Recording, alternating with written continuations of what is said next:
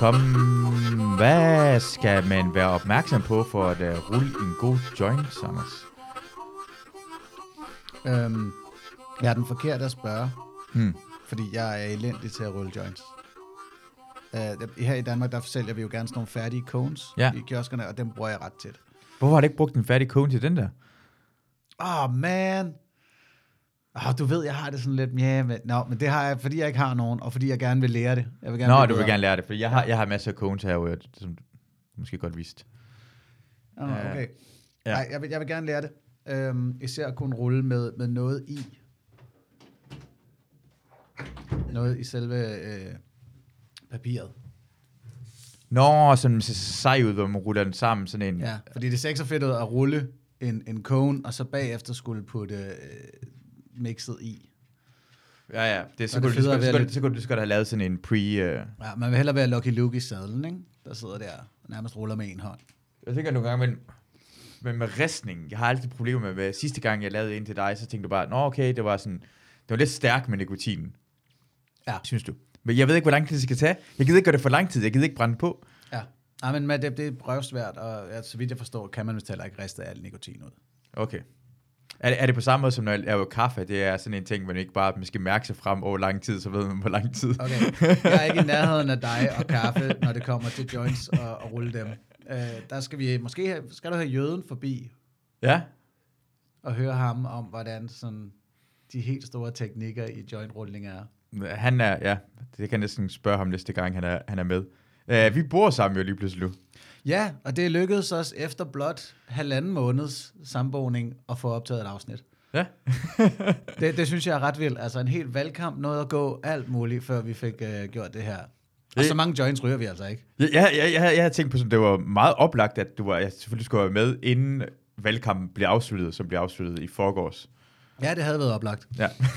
Ikke at det havde reddet mit valg på nogen måde. Det er gået elendigt. Øh, ja. ja, så det er, ja. Er, er du nedover det? Er du, er du det er det trist? Ja, det er jeg. Altså, jeg havde det sådan lidt med det her valg, at jeg vil ikke stresse mig selv, jeg vil ikke ud og slås, og så blive pisseked af det bagefter. Mm. Øh, så jeg sagde, "Nå, okay, jeg vil godt stå på listen, jeg vil godt hjælpe Alternativet med en smule opmærksomhed, hvad, hvad end jeg nu kunne trække. Mm. Og, og der havde jeg nok sat et højere tal i hovedet omkring, sådan, hvad jeg baseline kunne få ud af at smide et par videoer op på Instagram og Facebook og sådan noget der.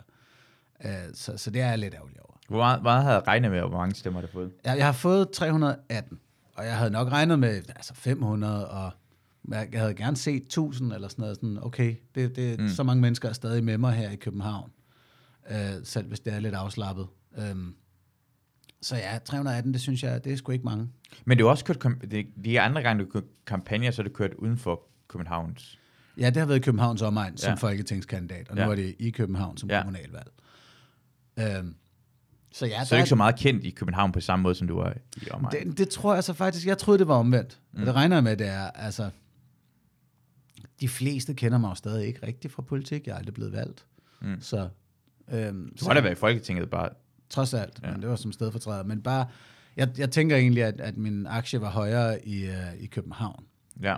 Men balladen er jo, at, at det er en, en, det er en ret blandet størrelse, man stemmer på, tror jeg, for mange øjne. I mange øjne så er sådan, om, okay, Anders Stjernholm, han er de her sådan, videnskabelige og ateistiske og sådan værdier, og meget socialistisk økonomi, lad os være ganske ærlige. Mm.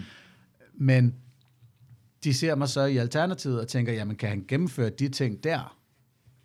Øh, den, det, det er sådan overlap, kan jeg godt se, at nogen vil tænke, nej, men han kan være lige så videnskabspositiv, han vil, de går i tylskørt, de der hippier, fordi de ikke forstår alternativet bedre end det. Øhm, så der kan jeg godt se, at sådan det, det mix kan være svært at stemme på. For jeg tænker også, øh, måske at det også er det, du går op i, egentlig ikke så meget kommunalvalg-agtigt noget. Det er helt rigtigt. Det, det har jeg også været ærlig om hele vejen igennem, at sige, jamen hey, det er ikke fordi, at jeg, jo, jeg, jeg går lidt op i, at vi ikke skal have en ny ringvej, ikke? men de der no- men normale lokalsager, Mm. At det handler rigtig meget for mig om Alternativets vision på den lange bane. Mm. Og altså, man snakker også om, at det her kommunalvalg har været et klimavalg. Øhm, og uden at jeg lige kan sætte fingeren på, udover lade være med at bygge Lynetteholmen og lade naturen være, når den er tæt på byen, altså Amagerfællet, mm. så Så sådan, hvad, hvad der er nede i materien af at lave klimapolitik på lokalplan, der har jeg jo bare den indstilling, jamen, det får jeg jo at vide. Hele min organisation, Alternativet, skulle jeg komme i borgerrepræsentationen, de vil fortælle mig præcis, hvad, mm. hvad jeg burde gøre som, med det mandat. Mm. Øhm, jeg ved ikke lige, hvorfor jeg røg den vej. Men ja, det men det betyder sådan, også, at det ikke betyder ikke så meget, om at stemme på dig, eller at stemme på en anden en. Et eller andet sted, nej. Ja. Øh, så jeg tænkte, det var sådan, jamen hey, I ved, jeg er der, og I ved nogenlunde, hvad jeg står for, og det kan jeg så gøre under en lysegrøn fan. Mm. Øh, og der ved jeg jo, jeg har venner, der skriver sådan, hey, jeg vil sgu gerne, men jeg stoler ikke på, på alternativet. Okay. Altså, ja, fordi altså, sidste gang gik en stemme på mig jo i sidste ende til Sikander Siddiq. Ja. Og det er jeg da heller ikke tilfreds med. Nej. Altså, det, det, og det kan jeg jo godt se, at man, det frygter folk igen. Og, og så kunne jeg tale længe om, at jeg stoler meget mere på de her mennesker, jeg er stillet op med nu. Og at hende, der kommer ind for mig, tror jeg, bliver en fantastisk politiker. Øhm, men, men jeg kan sagtens forstå, hvordan det kan holde nogen fra at sætte det kryds. Var du prøvet at forklare, at din stemme betyder ikke noget? altså statistisk set, hvis vi går op i sådan videnskab og det hele, den ene stemme kommer ikke til at rykke noget som helst, men så bare stem på mig. Ved du hvad, det er også noget, jeg nogle gange har tænkt, når folk har været sådan super analyserende omkring deres stemme til et valg. Åh, oh, men det der sker er, og hendes holdninger i forhold til EU, bla bla bla bla bla. Undskyld, undskyld, hvad er du for en megaloman galning, der står og sådan har... Altså, du bliver en ud af 2.000, der stemmer på det her menneske, der bliver en ud af 179, som har marginal... Ja. Altså sådan, du er en ud af 5 millioner. Jeg føler nogle gange... Med, det er jeg, godt, du tager din ja, borgerpligt seriøst, men det er også det er meget. Jeg tror igen, som barnspil har man fået så meget at vide, at din stemme betyder så meget for, ja. for, for folk til at stemme, at man glemmer egentlig, at vi overdrev. Din stemme betyder, altså, det betyder virkelig, altså, det betyder marginalt mere end ikke at stemme.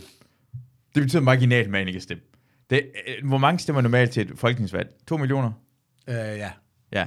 Så dit stemme betyder 1 ud af 2 millioner. Hvis du ikke stemmer, betyder det 0 ud af 2 millioner. Det er marginalt bedre at stemme, end ikke at stemme. Teknisk set, jeg synes, du skal stemme, men lad os være ærlige. Det betyder ja. ikke en skid. Og, og danske skoler og gymnasier, Masud kommer ud og holder foredrag om statskundskab. Hvis, øh... Men det er det rigtige. Jeg ikke, hvor man skal lyve over for den. For det er en af problemerne, at folk bliver sure, at når de har været ude at stemme, at det ikke blev 100% som de har stemt. Jeg stemte på hende der, og det blev ikke en kommunistisk parti i Danmark. Sådan, nej. I kan booke ham for standard gæstelærergebyr, motivationstale ved Masud Vahedi. Gerne op til valgene. Mod at fortælle de unge, bare bliv hjemme. Men det, okay, så, så når, når man sådan politikere altså prøver at få overbevist folk, sådan partierne prøver at overbevise folk, især ude på gaden, når de giver sådan valgsæder ud, eller... Altså, det virker også som om, i sidste ende er det, er det dig for fem år siden, Anders Stjernholm for fem år siden, der prøvede at score damer, hvor, hvor du gik op til den, og så kunne du mærke, om det var en interesse eller ej, og hvis de, du kunne mærke, at det ikke var det, så var det sådan, ah, jeg har ikke brug for alt det jab, jab. Jeg går videre til den næste person. Jeg har ikke behov for at vide, hvorfor, og hvad skal det ellers? Din, din stemme eller dig som person betyder egentlig ikke noget. Jeg skal bare have fisse eller valg. okay, okay, okay, okay. Prøv at høre. Meget får du lov til bare at smide på bordet her i starten, okay? Men prøv lige at gå tilbage til what? Ja, altså... Som jeg husker det. Som jeg husker ja. øh, mig for ja. fem år siden, dengang ja. der stadig var, var den form for halejagt i det. Ej, du kan godt have ret. jeg har jeg... set dig tydeligt gøre det der. altså, jeg har altid følt, at hey, jeg har bare for at hyggesnak lidt, og så, ja, det, ja, det er sgu nok rigtigt nok. Jeg har direkte set dig snakke med mig og to andre piger, og, du, og, og det ene af dem prøver du sådan lidt sådan, se om det er en chance. Og med det samme, du ikke kan mærke, det er en chance, så er det bare sådan, at du er en militærmand, der får at vide, vend om, så vender du om, og så går i en anden retning, og går og chatter en anden dame op. Og jeg respekterer det. Jamen, det, det er den rigtige måde at gøre det på. Jeg bare ikke, det så sådan ud. det lige da du fik en ordre. Det er sådan, du skulle marchere. Men det, nej, men det så ikke så tydeligt ud. Men jeg kunne, bare, jeg kunne godt lide det, for det var meget ærligt. For det, det er jo ikke noget værre. Altså, det er heller ikke en grund til at lade, som om du er interesseret i at snakke med den person. Mm. Du gør faktisk det helt rigtigt. Ja, jeg kan huske en gang, øh, fordi der blev det så tydeligt, jeg kunne se det. Øh, at jeg står og chatter med en dame på det daværende Barcelona, og mine to venner, øh, de er lige ved siden af, hvor de står og snakker sammen øh, og sådan åbenlyst følger med i, hvad jeg har gang i, men jeg står jo og lader som om, at jeg har en tilforladelig samtale i baren ja. med en dame. Ja. Indtil hun så siger, at men, øh, min kæreste kommer her om lidt. Og jeg stonefacer den, poker, style, fuldstændig, mm. bare sådan, nå jamen, jeg står stadigvæk bare har en tilforladelig samtale, no mm. biggity. Ja. Og lige ved siden af, der laver Jonas og Niklas bare kollektivt sådan en,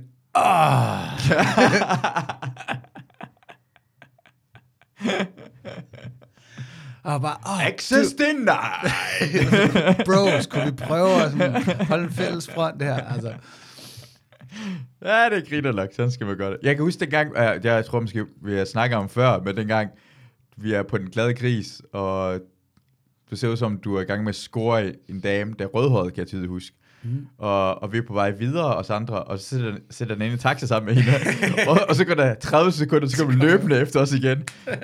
Og så, hvad skete der? Ja, men hun havde, menstruation, så det kommer ikke til at ske så. Du vil gerne... Inden, du, det tror jeg altså ikke, jeg sagde. Det er noget, I har dækket. Det Nej, nej, du sagde, hun ikke kunne... Inden du sagde, hun ikke... En anden ting... Jo, du, du sagde noget lignende, at hun ikke kunne den aften. En anden grund. Ja, ja, ja. Så derfor ho- hopper du bare ud af taxaen. Der er ikke nogen grund til at tage hjem til hende, og så var du videre sammen med os i byen. Nå jamen, altså, hun gad heller ikke at sove sammen. Nå, okay. Så altså, Ja, men det er så stadigvæk. Men det er bare grinerne at se personen. det, det er meget, Ja, meget, meget, meget ærligt, end, uh, end, anden, ja, end de gange, man har prøvet at, altså, man har da også prøvet at ligge sammen. Altså, jeg har, jeg har ikke, altså, det vil jeg tydeligt sige, jeg har ikke noget imod nogle gange mellem bare sådan ligge sammen med en pige. Det gør heller ikke noget. Jeg er ikke lige så sådan kold uh, hound dog, som Anders Stjernholm er. wow, hey, hey, hey, hey, what? Hold kæft, mand. Her så vi, 10 minutter siden, så er vi stedet, wow, skal vi lige lave en podcast? Ah, det kunne fandme også være hyggeligt. Ja, det skal vi have gjort. Så sidder jeg bare her til Masuds Neckenauer. Hvad er det, der... Nej, jeg elsker det. Jeg, jeg, jeg, jeg, jeg, jeg, jeg, for mig Jeg er føler mig som Roskov. Hvad er det, der foregår? ja, ja, det, det, det, var, det var meget ærligt, det var meget umiddelbart, så det er jo helt fantastisk. Det er dejligt at bruge sammen, synes jeg. Ja, og i lige måde. Og, og ja, ærlig og umiddelbart. Det er desværre ikke noget, der får folk valgt i det her land. Ah, nu, det, Hvorfor ikke det? Det er det mærkeligt. Hvorfor? den Det, bitterhed det, ja, hold nu kæft, det var det, det, var det her valg, og det, det, det, det, er det mærkelige at sige det. Det er det mærkelige. Jeg, jeg ville altid vælge på en person, der... Nå, ja, ja, ja, men altså... Undskyld, nu, hvis jeg, hvis, nu, er, nu er det også dagen derpå, og jeg vil have lov til at være rigtig bitter omkring mm. vælgerlede, som jeg jo nævner nogle gange. Åh, oh, det er som at sige, publikum er dårligt til en... Uh, Jeg er kraftet med det. Ja. Ja. Det er lashing out på Ja. ja. den værste måde. Men det er bare lige for at sige, altså, folk har så travlt med at bokse over, om politikerne er uhederlige, og medierne sætter de her dagsordner osv. osv. Jamen, det er fordi, I klikker på det. Det er fordi, I sætter kryds ved det. Mm. Altså, Esben Lunde Larsen var fuld af fup hele vejen igennem, og folk blev ved med at stemme på ham ude i Ringkøbing, for de var ligeglade. Mm. Altså, og det samme ser vi igen og igen med Lars Løkke og så videre, at, at integritet virker jo ikke til at være så skide vigtigt for folk i sidste ende. Og det samme med mediernes integritet, de klikker stadig på det. Så fucking uh, man in the mirror, hvis man skal lave om på det her system. Ja, Så men- faktisk, undskyld, tilbage til ham der, Men- der har lavet den der alenlange analyse af sit ene fucking kryds. I det mindste, som oftest rammer de nogen, der har hederlig og integritet. Ja, men, men man får det politikere, man fortjener jo. Ja, præcis. Så det har man altid... Øh, Så undskyld, jeg griner ham der. Men, men, men stadigvæk er, er, er det på grund af, at jeg tror, jeg tror man, men en af grundene til, at der også findes politikerled, og man er ligeglad som vælger, er på grund af, at man fra barnsben har fået at vide, at din stemme betyder noget, og jo ældre du bliver, finder du ud af, at det betyder ikke en skid. Du skal, have, du skal vide, hvor meget det egentlig betyder. Det, for mig er det meget vigtigere at snakke politik, end at stemme i sidste ende. Det er, prøv at overbevise folk at snakke om det oftere. Mm. Din stemme i sidste ende betyder ikke noget, og derfor bliver du skuffet, og så tænker jeg, kan lige så godt stemme på nogen, som i det mindste får noget gennemført agtigt noget, fordi politik er i ja. Mit hoved korrupt og giver ikke noget mening. Så du er på vej hen i det der med, at man til aller, aller sidst, så er der bare en eller anden umiddelbar sag nu og her, der Ja. får dig til at sætte krydset. Ja, Ja, ja altså jamen, jeg har også en, en veninde, der helt sikkert er, er meget bekymret omkring cannabis-legalisering, men hun stemte på en dude, der vil bevare bygningerne der, hvor hun bor. ja, se, ja. Ja, og så, ja, så blev det det, der gjorde det. Altså, altså, altså hvis en eller anden DF'er siger, at jeg vil have et fartbump nede ved, øh, nede ved hjørnet, så er man sådan lidt, nå, jamen, så skidt pyt med resten. Jeg vil fandme have det på fartbump. Ja, men, men det virker som om, at øh, politik, som vi laver det i dag med repræsentativ demokrati, er noget, for, der er lavet for 200 år siden. Og i dag, medier og øh, alle de muligheder, vi har for at få information, er så langt længere frem. Så f- det ville være rart, at hvis der var flere ting, det bliver sat til afstemning blandt befolkningen. For det er nogle ting, der er sådan mærkesager, og nogle ting er mere, jeg, jeg stemmer den her person til at tage de fleste ordentlige beslutninger omkring ting, jeg ikke kan sætte mig ind i. Ja. Det kunne være rart, at der flere ting bliver givet tilbage til folket, at vi kunne stemme om det. Mm. Helt klart. Og det synes jeg bare, den er langt bedre. Derfor er min mest interesse for politik, tænker sådan, jamen jeg kan følge med af, hvor mange ting de stemmer imod, som jeg er for, eller stemmer for, som jeg er imod, men jeg ikke gør på det, og jeg skal vente til fire år, jeg kan stemme til det, så bliver jeg, lidt ligeglad. Jeg, jeg gad godt, der lige var sådan en række øh, emnemæssige folkeafstemninger med til næste valg. Det kan vi jo stille borgerforslag om. Lad os sige, du stiller et borgerforslag nu, at du vil have en folkeafstemning omkring bevarelsen af monarkiet. Mm. Øh, Jeg tror måske godt, man kunne finde 50.000 til at skrive under, og det vil øh, ende med en totalt nederlag. Øh, Men man vil stadig få løftet en diskussion, som mm. normalt bare er hendes majestat er glimrende.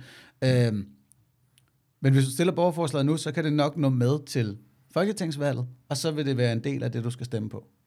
Så er der lige sådan, hey, sædel nummer to, skal kongehuset bevares? Uh, sædel nummer tre, cannabis. Sædel nummer fire, Sådan gør det USA. Ja, præcis. Det system gad jeg godt, fordi det får også lige vælgerne til at skulle tænke i emner, Mm. og man får løftet nogle af de store emner. Mm. Jamen, det synes jeg også, den rigtige retning er, fordi jeg synes, det er, er men, men, men ideen, tænker jeg, med demokrati, som den, dengang man lavede den 1849, var det var sådan 10% af befolkningen kunne stemme. Men åbnet mere og mere op, at jo mere folk satte sig ind i det og blev modne omkring demokratiet, jo flere folk fik lov til at stemme. Og, og, men de har stoppet, siden vi gav kvinderne valgret næsten, vil jeg næsten sige. Eller det kan blive sat til 18 år gammel. Ja, og så alligevel ikke. Jeg kan, den sidste gang, jeg kan huske, der var noget, det var, og det er utroligt, det er det, det var en patentdomstol i EU. Mm. At udover at vi skulle stemme til EU-valget, som få mennesker går op i, så skulle vi pludselig sætte os ind i, hvad en fucking patentdomstol var, og om vi skulle stemme ja eller nej til den. Ja. Ja. Det, var, det var helt vildt. Hvor kedeligt kan vi gøre det? Patentdomstol. Hvorfor ikke en folkeafstemning om borgerløn? Eller folkekirken? Eller sådan et Det eller folk går op større, i, sådan, præcis, eller uh, Amagerfællet, eller flere bedre cykelstier her, hvor vi bor, eller Lynetteholm. Lynetteholmen kunne være en... Alt det der, altså, kunne være, det skulle være op til folk. Men i stedet for, at det er en patentdomstol, ja. jamen, det er i forhold til, hvilken instans man skal gå til i tilfælde af, at man føler, at ens rettighed som intellektuel varehaver er blevet overtrådt. Ja. De gjorde EU endnu kedeligere. Det gør jo også, at det kunne blive en proteststemme, når, hvis man kun få gange giver folk valgmuligheder for at stemme ja eller nej, især noget som EU eller noget stort, så kan folk bare vælge, at stemme nej bare på grund af protest, fordi vi har ikke så mange valgmuligheder. Vi har, vi har ja. ikke lov til at stemme sig det ofte. Så det kunne have blevet nej til den der. Og det er nemlig det er noget af det farlige, ikke? fordi sådan noget, altså hvis danskerne skulle have stemt, om vi skulle have elektricitet i 1865, så Ja. var det jo også blevet et rungende nej. Ja. Altså, så man skal Det er mega passe på. farligt jo. Har set. ja, ja, jeg kender en, som han, han brændte sig på det. Ja, ja, ja, det er jo helt Ja. vildt. Du, har du hørt det der historie med Edison, hvad han gjorde i forhold til Tesla?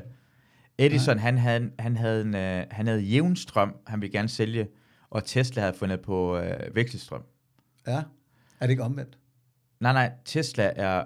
Er det omvendt? Nej, det, det er fact-check. Ja, ja, jeg, er ret, jeg er ret sikker på, at Edison, det var ham, der havde den dårlige idé. Uh, nu kan jeg prøve lige at finde ud af det. Uh, Edison... Nå, men de var jo konkurrenter. Ja, og så gik, hvad hedder, for eksempel Edison gik sådan ud på sådan noget, og viste folk, hvor farligt, hvad hedder det, øh, vekselstrøm er. Og det er en af grundene til, at man har, hvad hedder dødsstraf med elektri- elektrisk stol, er på grund af, Edison at man kan slå folk ihjel. Så på et tidspunkt slår han en elefant ihjel foran alt. Jeg tror, at den Edison... Den tror jeg, jeg har hørt. Uh, elephant... Ja, Edison Elephant Electro- Electrocution.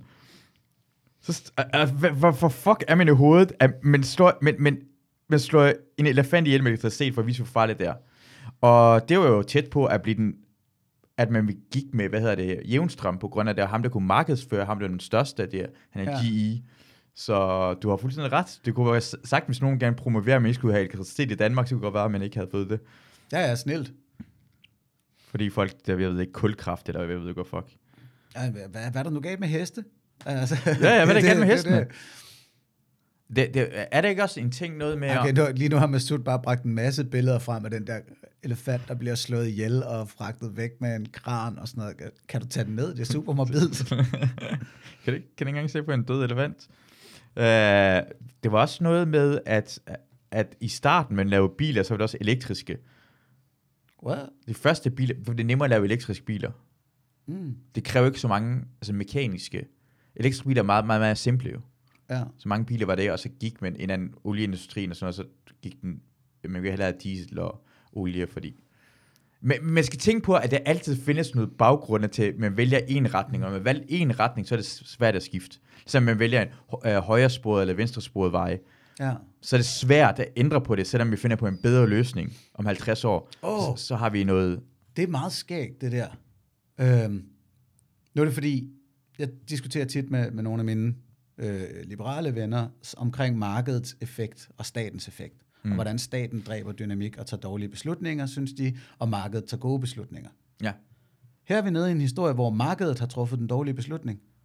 Fordi der var nogen, der allerede var blevet utrolig rige på øh, olie på det her tidspunkt, altså vi brændte det af i lamper og så videre, øh, så går de ind og manipulerer med det nye marked, biler, Mm. og siger, nej, nej, bilerne skal køre på vores energi, Mm. mm. ikke konkurrentens energi.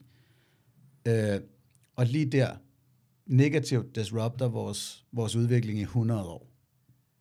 Altså, Ja. de, de, udskød elbilsudviklingen i 100 år. Mm.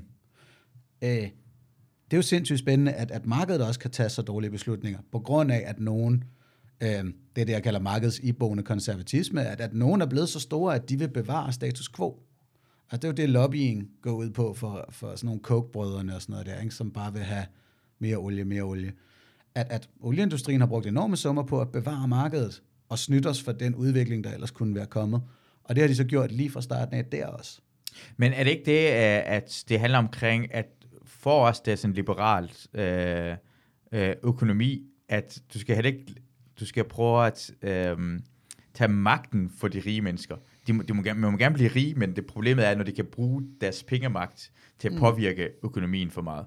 Ja, Som sker nogle gange imellem. Det sker jo, det kan man ikke undgå, som, som det sker totalt. Det sker ofte, ja. Det sker, så lad os sige, det sker ofte. Ja, Men, men, øh, ja, det var det, Noam, Noam Chomsky har jo flere gange påpeget, at, at Adam Smith kaldte den, at hvis du, altså købmænd vil købe ting, hvis der er profit i det, og der er profit i politisk magt, Mm. så hold dem fra at købe politisk magt. Ja. Og det har vi pure ignoreret. Men det synes jeg er levetid. vigtigere. Jamen, den del er vigtigere end noget andet. Altså, prøv at stoppe ja. den der gang, fordi du kan ikke bare... Uh, Det er jo endnu en en- ting. Altså, hvis du gerne... Et, et, Planøkonomi. første, første del af din, hvem skal jeg stemme på, det er bare, har partiet en erhvervsklub, så sætter du bare en stor fed streg henover. ja. Selvfølgelig skal du ikke stemme på et parti eller en kandidat fra et parti, der har en erhvervsklub.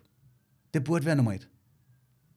Der var jeg sur i dag. Jamen, jeg, men jeg forstår ikke engang, hvordan, hvordan, igen, hvordan det kan findes erhvervsklubber i Danmark, og vi peger på USA, som er noget mest korrupte. Det er en oligarki. Mm. Hvis man analyserer det, så er USA en oligarki. Øh, så, øh, så, så ej, prøv at se det lobbyister, og bla bla bla bla bla bla. Ja, ja, ja. Men de, de skal være åbenlyse omkring deres lobbyister. Det skal, det skal stå direkte, Ja, trods alt. hvem lobbyisterne er, og det, de har fucking mange regler omkring lobbyister. Danmark, vi har jo ikke rigtig, vi har det, det er ikke noget korruption, fordi øh, vi, vi undersøger det bare ikke jo. Vi har bare ikke undersøgt det. Og det synes jeg bare er så vildt, at, at, at vi står igen peger fingre af nogle andre folk, i stedet for lige kigge indad og se, hvor fucked up det system, vi selv har, at vi har øh, de der øh, klubber, hvor man kan bare betale så mange penge, som man har lyst, og man ved ikke, hvem de giver pengene til det. Ja. Jeg har også på gang i cannabis-debatten her i løbet af kommunalvalget drillet Socialdemokratiet med sådan, altså de, I skal jo nok skifte mening, så snart der er tilpas mange medlemmer af erhvervsklubben, der gerne vil have det. Ja. Altså når de først siger, nu, nu er produktionsanlægget klar, nu øh, i, i stedet for nogle af øltønderne, så har vi bare opstillet nogle, nogle grow-lokaler, Ja. så nu kan vi øh, hælde det ned i en breezer, og så køre bussen. Så nu må det godt blive lovligt. Altså, det er sådan lidt at sige, "Hvor- kunne I ikke bare have den jeres egen mening? Behøver nogen at betale jer for det først? Det, det er i USA igen, nu igen, jeg kan godt lide ro- rose USA, men det er derfor, når de har så mange forskellige stater, der kan finde på deres forskellige løsninger, mm. så er den jo allerede langt længere frem end Danmark omkring frigørelse af cannabis. Det er også dem, der startede med at slå meget hårdt ned med the war on drugs, men det er også dem, der har åbnet op, og de andre stater kan se, hvordan, hvordan man kan gøre det. Jeg synes, at Danmark virkede som om, øh, at de, jeg venter præcis, som du selv siger, at det skal komme en større, fi- at det skal, det skal være profit for de firmaer, og så kan vi ændre ja. på cannabis, i stedet for at bare gøre det frit, mm. og gøre det mere Men det er jo også noget af det, jeg tror, det er noget af det, der også er sket i USA. Altså, at så, ja, det er jo også det, som det, den medicinale øh, start, det er, når man siger, Nå, men så tager vi en forsøgsordning til medicinalbrug. Ah, det er det samme som at sige, kære driftige mennesker, bare begynd at dyrke. Altså, og så planter man jo bare og går i gang med cannabislandbruget. Fordi så lige så snart der bliver sagt, hey, nu må man også godt sælge rekreativt, jamen, så har de produktet klar. Mm. Øhm, og det er jo også, det er at spille de store spillere spil. Øhm, Men, men øh, øh, jeg ved, at Colorado, at fordi det, på federal niveau er det ikke lovligt i USA. Mm. Så de er svært, det, skal, det er en cash business lige nu. De kan næsten ikke forhandle med banker jo. Så derfor er det jo kun, altså den er ikke blevet så big business endnu i mange steder, for det kan ikke lade sig gøre. Jeg tror først, det er med den her sæson, at NBA har besluttet sig for ikke at teste for cannabis. For ligesom at sige, nu, nu er det lovligt så mange steder, Ja. så det, det er fuldstændig ligegyldigt. NFL gør det stadig. Altså, de der to ud af 53 mand, de tester, eller hvad det er. Ja. Det er igen, hvis man ikke tester, så findes der ikke noget doping. Hvis de- du ikke, er, hvis du ikke tjekker, om det findes korruption i Danmark, så er der ikke nogen korruption, korruption i Ja, Danmark. den har vi ja. kopi- kopieret direkte fra NFL's drug policy. Ja. men, men, det, men, men det er bare sj- sjovt at se, at, at nogle gange imellem har det en... Uh, USA er så mange ting, vi tænker, de er bagud, så har de nogle ting, jeg synes... Når jeg snakker omkring USA, hvad for noget... Uh, hvad man kan se fordele, de har, vi kan tage til os. Altså, vi kan lige godt bruge og se, hvad gør de bedre, end vi gør. Vi behøver Ja. ikke se, hvad de gør dårligere end os, for det skal vi ikke kopiere alligevel. Hvad gør det bedre ved os? Ja, vi, vi bliver lidt Afstemningerne. nødt til at se, hvad de gør dårligere end os, fordi der er nogen, der ikke spotter det. Nå, men ikke, Men- men, ikke, ikke, men ikke det kopiere det. Vi har ikke behov for at kopiere Ja. det på den måde. Der. Lige præcis. Altså, ja. Vi vil jo ikke kunne sige, at det er dårligt, skal vi overveje at lave... Nej, nej, det skal, behøver vi ikke gøre i Danmark. Det behøver vi ikke gøre. Ja, når man så for eksempel erhvervsklubber, der har vi jo vidderligt kopieret. Nej, i USA... Jamen, det er fordi... Jeg er med på, at det er, der er forskel på erhvervsklubber og superpacks og så videre, men vi har stadig bare taget en idé, de har, og importeret den jo. Og det er der, hvor man har lyst til at råbe op og sige, Nej, don't do nej. that. Undskyld, men det, det er fordi, jeg afbryder din pointe om best practice, og den synes jeg egentlig, du skulle have lov til at udfolde. Nej, jeg, jeg, nej, jeg, jeg vil bare faktisk gerne sige, det der, det super packs er noget, der er nye, hvor man bare kan proppe rigtig mange penge Mm. i uh, støt. Altså, Danmark har haft erhvervsklubber, før USA havde erhvervsklubber. Før tiden var USA, der skulle man, det var almindelige packs, så skulle man fortælle, hvor mange penge det blev uh, givet til uh, hver kampagne. Super Men det var vel også med, en, med et bundgrænse, eller hvad, ligesom en dansk Det, det, jeg tror, det er 4.000, du kunne give. Mm. Mm. 4.000 dollar, eller 2.000 dollar per person. Men man kunne ikke gøre ligesom efter Superpackene kom til, jeg tror i 2000 og, jeg gætter 10, Mm. deromkring. Så kunne man lige pludselig koge brød og alt det, man kunne give umængde. Altså, så mange penge, de havde lyst til. Men det ja. kunne man ikke gøre før det, og det har man kunnet gøre i Danmark jo. Har man ikke det? Har erhvervsklubber ikke bare sådan en? Det er en ting, man altid godt kunne have gjort. Det er ikke øh, noget nyt. Det tror jeg ikke. Jeg tror, de er relativt nyt, fordi det var først i 90'erne, at den første kom. Jamen præcis i 90'erne, men USA kom det først i 2010 jo. Okay, men før det havde de almindelige packs. Ja, ja, og Og der, men, men en almindelig pakke er vel ligesom en dansk erhvervsklub. At du skal, Nej, du, du du behøver skal- ikke at sige noget, hvis du giver under 100, øh, 20.000. Nå, okay, nu skal jeg lige forstå, hvordan erhvervsklubberne fungerer i Danmark. Jeg tror, det var sådan noget, at man kunne give så mange penge, man vil til en erhvervsklub, så er det erhvervsklubben, der giver pengene til partierne. Ja, nej, det kan man ikke. Man må give 20.000. Okay. Øh, over det, så skal dit navn nævnes. Ja, er, er, Altså- er man er med med Ja. erhvervsklubben? Og så er der så noget med, at jeg, jeg ved det ikke med sikkerhed, men at, at en individuel forretning i hver by Ja. kan give 20.000. Nå, på den måde så der. Ja. man Sådan er det også lidt i USA, tror jeg. Så det måske, det har vi samme ting. Mm. Men jeg mener bare, at det kan man lave i USA på den, de holder valg, for eksempel. At man, har, man, har, man kan tage bestemte emner op til hvert valg. Kunne man godt gøre, og igen med cannabis, hvordan de øh, gør det, synes jeg er rigtig godt. Og selvfølgelig omkring guns til alle.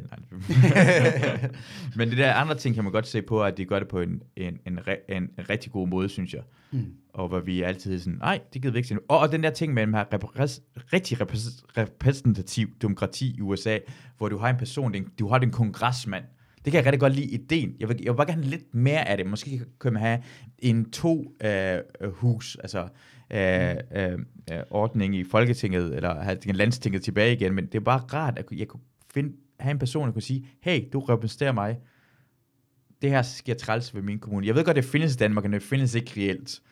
Ja. Folk bliver flyttet, de bor i København og er i Jørgen og st- opstillet der og alle mulige mærkelige steder. Det er ikke på samme måde som i USA, hvor man skal bo i den her distrikt. Ja, og det, og det synes jeg, det vil jeg faktisk helst undgå. Mm. Jeg kan ikke lide det der med, at man sender egens kandidat ind til hovedstaden for ja. At kæmpe for lokale rettigheder. Så er det, man gør øh, geografiske områder til konkurrenter. Mm. Hvor jeg har lyst til at sige, nej, nej, vi, vi er hele Danmark, og vi er forhåbentlig faktisk også længere ud, hvis man kan have det overblik. Så jeg skal da også bare kunne stemme på en kandidat fra Vendsyssel, og omvendt. Og han skal da ikke føle, at han skal ind til Folketinget for at kæmpe for Vendsyssel. Han skal da bare ind til Folketinget for at kæmpe for vores samfund og alting. Men han, han skal bare, men det, det er problematisk, at han ikke behøver, så skal man bare have, uh, hvis man ikke tænker på de, de altså, uh, ikke alle får en stemme lige, så skal du bare tænke på dem, der bor i storbyerne. Det kan, jeg kan bare kun tænke på det, det skal være 50% af stemmerne, og så er det ligegyldigt med alle de andre. Og dem, der står, uh, hvis jeg, det, det, det skal, på samme måde som i USA har man lavet øh, kongressen, og man lavet senatet. En af grundene til det, så er, alle folk skal have kun have én stemme, selvom vi kommer fra en lille stat. Yes, yes. Det er meget, ligesom man har gjort også med, med EU. Og så synes jeg, hvis man gør det på den måde, man kan stemme på alle i hele Danmark, det burde Danmark er lille nok til det egentlig i sidste ende. Ja. Men det gør det også bare sådan noget, Men lad mig prøve at sige det sådan her. Så, altså, tilbage til vores checkliste med, hvem bør du stemme på? Så lad os sige, jamen, til at starte med, er vedkommende ærlig? Har partiet en, en erhvervsklub? Mm. Øh, er vedkommende grådig? Der er sådan nogle ting, personligheder, du lige var på plads. Og det næste, du vil vide, det vil ikke, er vedkommende fra Hørsholm og omegn, eller vil du vide, hvad vedkommendes politiske holdninger er? Hmm. Det er vel ideelt set det sidste, at vi vil have, Nå, hvor står han på skat og klima og, og sundhed og så videre. Og dernæst, okay, bor han i, i, i Hørsholm? Der er det vel skideligegyldigt, hvis han er fra Tønder. men det, måske er det bare en... Bare det er en han. Ja, det, det er meget vigtigt selvfølgelig. Men måske er det bare en nemmere mulighed, måske skal det bare være en nemmere mulighed for at kunne snakke med sådan den person, der repræsenterer en. repræsenterer en. Altså have en, med, en tættere... Det er, det er der. Du kan bare skrive på Instagram, Facebook. Ja, ja, ja. Men, men det er... Ja, men så er det nogle...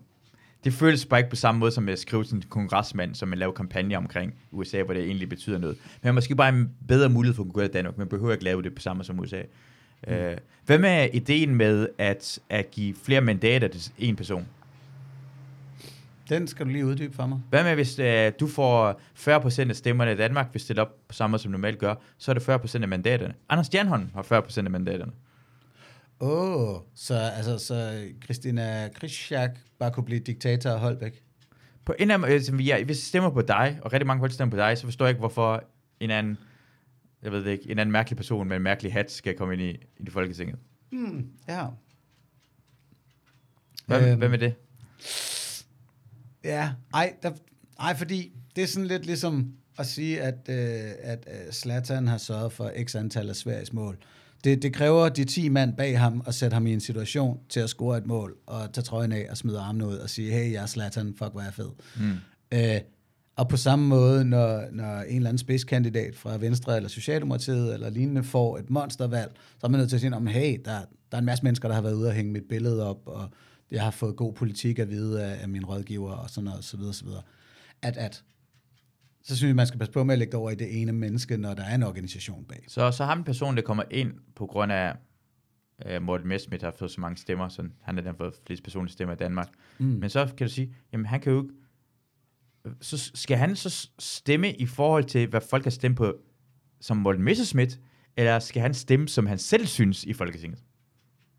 For det, han må ikke have nøjagtigt, han kan umuligt have den nøjagtigt samme holdning som Morten Messerschmidt, men, mm. men hvis jeg stemmer på Morten Messerschmidt, og Claus Nielsen kommer ind, som stemmer, som han har lyst til, men jeg har ikke stemt på fucking Claus Nielsen, jeg stemmer på Morten Messerschmidt, og han stemmer mod Morten Messerschmidt, så bliver jeg sur over det. Ja. Så går det imod faktisk demokratiets regler på den måde der.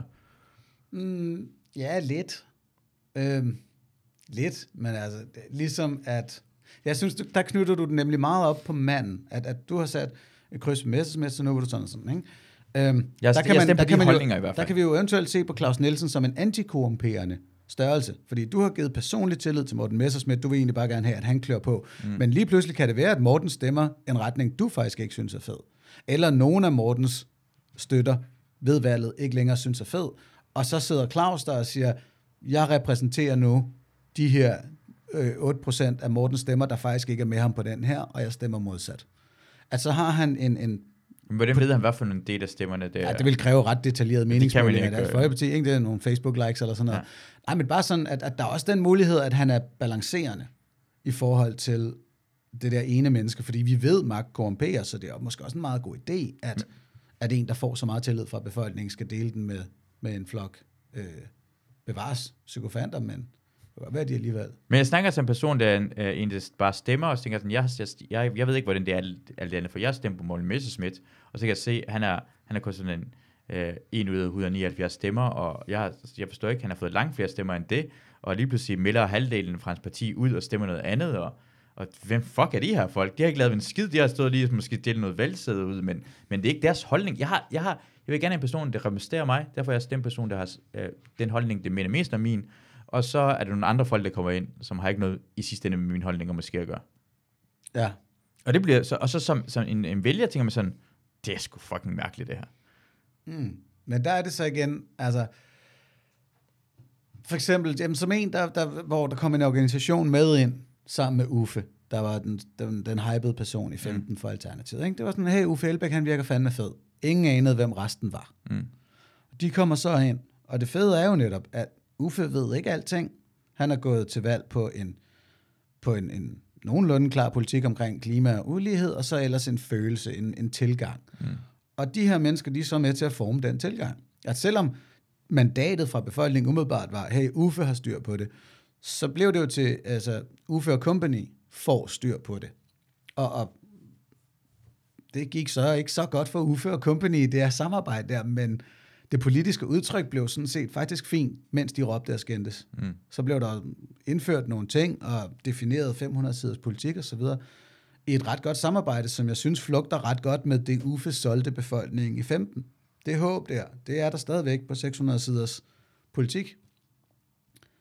Um, så på den måde synes jeg, det er okay, at, at, at diktatoren skal dele sin magt. Det ja. tror jeg, det, det er en meget god balance. Uh, hvad med øh, tanken omkring, at når det kommer en ny parti som Alternativet, uh, så er det bare, det er ligesom, at uh, uh, et nyt uh, firma starter, uh,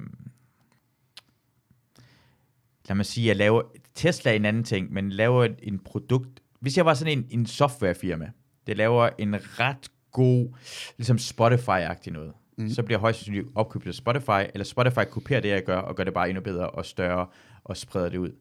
Og jeg tænker noget som, som alternativet, som parti, det lige stykker op, hvis jeg er alle de andre partier. Og alle de andre partier har øh, ikke connection til befolkningen, men de har også forbindelse til journalister, og til, øh, hvad hedder det, øh, til, hvad hedder det der, øh, ligesom Dansk Erhverv og interesseorganisationer. interesseorganisationer. De har alle mulige det her øh, øh, forbindelser, som måske Alternativ ikke har. Så det, det kommer til at ske, når Alternativ dukker op i, i første omgang, er jo, at de får masser af stemmer. De andre i andre kommer til at rykke sig. Det, det kommer til at ske, når du ja. stemmer på Alternativet. De andre rykker sig, så det bliver faktisk tættere. Så du har ikke, egentlig ikke sidste grund til at stemme på Alternativet. Og alle interesseorganisationer og journalister og alle de her ting, de har gode forbindelser til de store, gode gamle partier. Så hver eneste gang Alternativet siger noget ting, som er lidt som fucked up, så bliver det også en lille smule mere negativt. At sige, hey, I er ligesom os andre, og, ja. og, og gør det større, og så, så mister Alternativet deres specielle ting, men de har allerede, men de har påvirket samfundet. Din stemme ja. påvirker rent faktisk samfundet det, man kan sige, jamen der, ja, det er en snak om de politiske idéer kontra de politiske strukturer, at, at Alternativet har præget venstrefløjen i en grad, øh, som enhedslisten nu har adopteret og, og professionaliseret lidt mere, øh, vil vi gerne indrømme.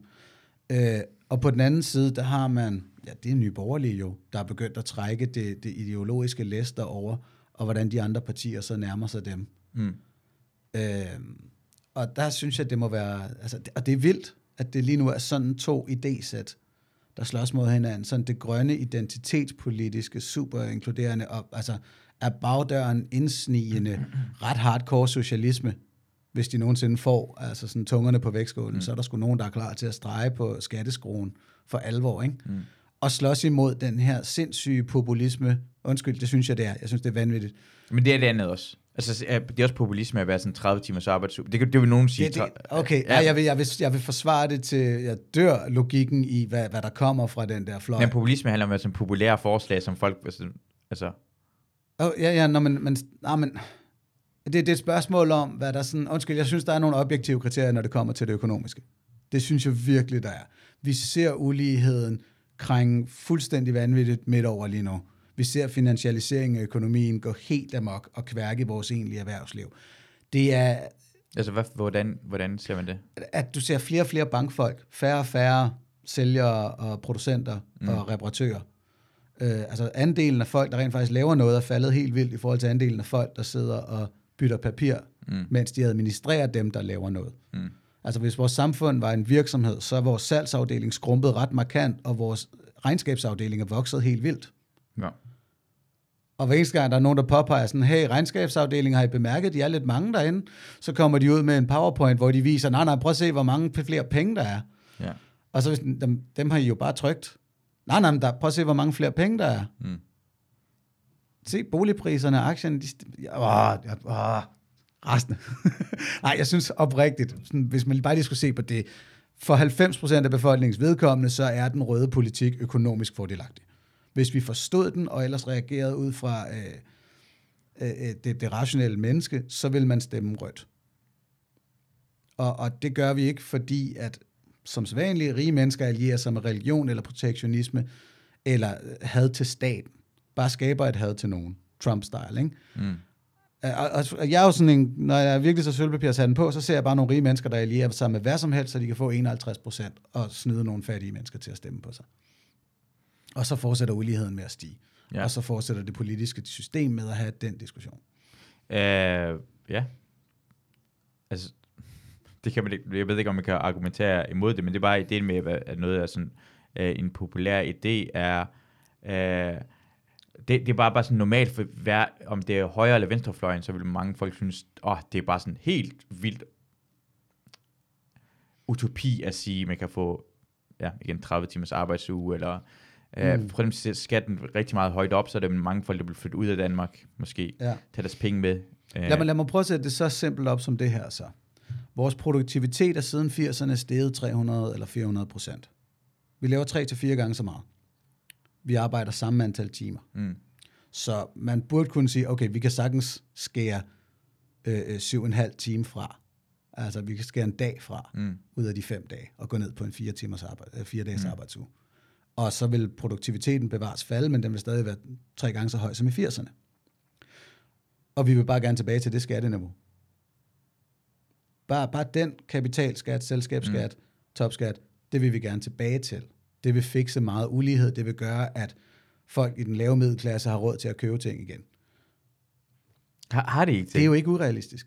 Har det ikke det? Jamen det er der blandt... Nej, altså det er jo det, som var Marx's oprindelige diagnose, som jeg føler, de fleste økonomer er enige i, at balladen lige nu er, at folket på gulvet har ikke råd til at købe det, de selv producerer. Mm. Og bevare sådan, producer, altså, fordelen har været for os i lang tid, at vi ikke selv producerer det, vi køber. Mm. At det er der nogle fattige mennesker et andet sted, der gør. Så derfor Ja. har vi råd til den nye iPhone. Ja.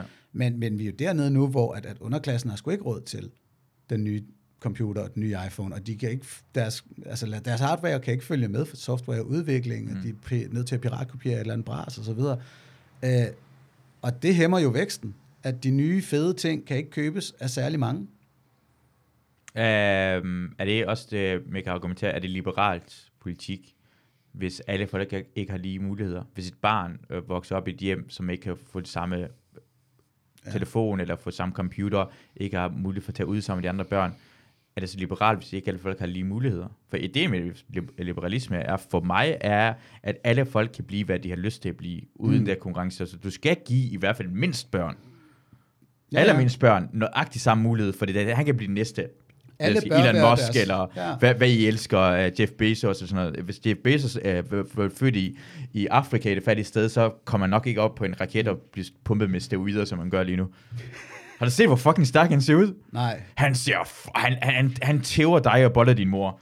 Uh, Jeff, nu skal Jeff Bezos, um, Royce. Okay. Jamen, og han, jamen, han er jo også på en om ugen, ikke? Han ligner uh, Vin Diesel. han ligner ham, der, der prøver at fange, uh, hvad hedder det, uh, Breaking Bad, der prøver at fange... Jeg har aldrig set Breaking, jeg har kun set to Breaking Bad afsnit, så beklager. Men det var han, han ligner en person, der voldtager dig i Års. Han ligner Schillinger fra Års. Ej, han er bare i gang med at optimere alting. Der er sikkert allerede chips i hans hjerne. Prøv, prøv, prøv hvis I er derhjemme, så, hvad hedder det, uh, Google uh, Jeff Bezos, og så bare Roids. så først det billede, der kommer op. det er ikke engang steroids, det er bare Roids. Så Og selvfølgelig har han en dynvest på. ja, ja. Så øh, det er det, der sker. Sid og bare, prøv at, han, han er bare sådan pumpet op på steroider, og har alle pengene, og så må fucking raket til månen. Altså, prøv at tænke, du bliver den her mand. Ja. Den her mand kunne ikke eksistere, hvis han var øh, i, øh, øh, vokset op i, eller født i Kenya jo. Nej, Men han har ikke lige muligheder. Alle, alle bør være deres egen lykkes med, og det er enhedslisten, der kan gå til valg på det snarere end LA. Altså, og det er jo det samme med, med, med det her med lige barsel-diskussionen. Den skal starte med, jamen er vi frie til at vælge barsel nu? Og, er vi ikke det? Det ved jeg ikke en skid om, for jeg har ikke... Det er jo det, der er argumentet for, for dem, der vil have øremærket barsel. Der. Nej, det er vi ikke, fordi de fleste forældre, de kigger på det første parameter, som er, at far tjener mere end mor. Hmm. Og så er den allerede skæv der.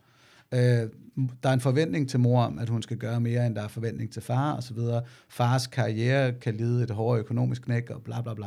Alle de der faktorer, det er det, det handler om at møde, imødekomme med sådan et et indgreb. Jeg kender flere kvinder. Jeg kender flere kvinder, der er irriteret over, og de er bange for at sige, at de har lyst til, at være mere hjemme og være, mere Mm. barsel, og næsten det hele, de vil gerne selv have, for de har det bedre, at deres barn øh, øh, bliver opdraget, især i starten af dem, og, så det, og de har mere lyst til det, end faren har. Og de føler, at hvis de siger det højt, så øh, vil folk være imod dem, og det er antifeministisk, hvorfor kan det Ja. gøre alt det andet ting? Så jeg oplever, at samfundet er i gang med at presse kvinder til at også gøre nogle kvinder. Fordi Ja. alle nu, kvinder nu ikke kommer ens. jeg lige med en pointe til det der, som udelukkende er til dine nye borgerlige lyttere. Ja. Nu taler, Tak, jeg, jeg elsker alle sammen. Ja, nu taler jeg jeres sprog. Øh, hvis kællingerne får lov til at tage al barslen, så bliver børnene jo bøs. Når du har lavet et barn, Marker, så har du også en forpligtelse for at pumpe noget øh, toksisk maskulinitet ind i den i løbet af det første par leveår. Så du skal tage den der barsel og bruge den på at fortælle Junior, at han skal stoppe Men så skal, vi, så skal jeg fortælle hende, så skal jeg fortælle min veninde, hold, du skal lade være med at sige det der højt. Du skal ikke have, du, jeg ved godt, du har lyst, du har lyst til. Du i din krop har lyst til at være sammen med et barn. Mm. Men det skal du give væk, fordi vi i samfundet har lavet nogle regler omkring, at du skal dele den med din mand. Hver eneste, det menneske, lyst til det. Ja, hver eneste menneske, der kommer til verden, er en magtfaktor, ligesom politik, og du vil aldrig overlade et nyt parti i et helt år til damerne. Jeg elsker det her. Du, du, du er jo i gang med at overbevise mig, bare du ved med alt det her mandsjuvenistisk lort, det kommer med. Det, det, det, er Jamen, sådan, du virker det? mig. Virker det? det Får det dig til at tænke, "Åh, vi for- skal sgu dele jeg, jeg, barslen"? jeg, har ikke lyst til at være bøs, hvis du siger det er noget andet, er jeg så bøs lige nu. Jeg Men jeg, jeg, jeg, jeg, jeg, jeg er allermest imod tvang. Jeg er allermest noget som... Så let tvang, eller fortælle Ja, ja, nogen, de skal gøre, det er fuldstændig imod. Og ja, det er derfor, jeg har kun lyst til at bruge tvang, når jeg kan se, at vi ikke er frie. Ja, og det men, er men, men, det er igen, men, men det er så meget den bedste diktator i verden. Jeg giver dig tvang for, at du ikke er fri. Arbejd mig frej, ikke Anders Stjernholm. Arbejd mig frej. Nej, nej, nej, steinerei, Mark Frey. Hvad er det? Steneri. ja, præcis. 30 timers arbejde, så slap nu af for Ja, helvede. det- men igen, 30 sekunder op. Ja, ja, ja, ja, det er, altså, det, det synes jeg, det, igen på samme måde som demokratiet er ikke udviklet sig rigtig lang tid. Vi har ikke, jeg forstår ikke engang, hvordan jeg kan leve et grundlov, som et meget få mennesker levede, dengang de altså, valgt omkring et nye grundlov eller ej, og vi lever ja. stadig under det. Det skal revurdere, synes jeg. Og præcis, øh, hvad hedder det, øh, arbejdsugen. Det er mærkeligt, at den ikke er, hvor lang tid siden er det, vi har haft øh, 37 timers arbejdsuge? 92. Kun? Jeg tror, det var sådan noget fra 1930'erne eller sådan noget. Nej, så er det ikke slemt, det heller ikke, Anders. I, I 28 år. Er nej, nej, i 1930'erne var den 55, og så efter fem år satte man den ned til 53, og efter fem år igen ned til 50 og så videre. Man barberede i arbejdstiden 10 forskellige gange imellem 1900 og 1992. Og i de sidste 28 år har vi ikke rørt ved den. Det er fucking idiotisk. Det burde jo være, jo flere robotter jeg har, jo mere effektiv man er, jo mindre arbejde man skal have. Ikke at man fyrer mennesker, beholde lige så mange mennesker på arbejde. Være efter folk, der ikke kan få arbejde på grund af det nu. Få folk, der kan udføre deres. Og så er det kun de rige mennesker, der tjener penge, og så kan det være efter de fattige. Mm. Og så måske med den her, øh, altså jo mere hjælp du har på hjemmefronten, sådan, når du har barnepige, jamen, så kan du være fem timer længere på arbejde. Ja. Åh, du har fået robotstøvsuger, ja, det var lige en halv time mere, Paul. Men jeg synes på de den jeg synes, hvis man laver robotter, skal man virkelig lave robotter til alle mennesker. Jo. Jeg vil gerne have, at robotterne bliver lavet til mig, så den kan lave mit arbejde. Det er sådan, det skulle være. Det skulle være min slave, Mm. jo. Men nu, har, nu er det kun firmaen, der har robotter, der laver dine biler, i stedet for, at du skal lave den. Mm. Og så fyrer de bare dig. Det burde give en robot til mig.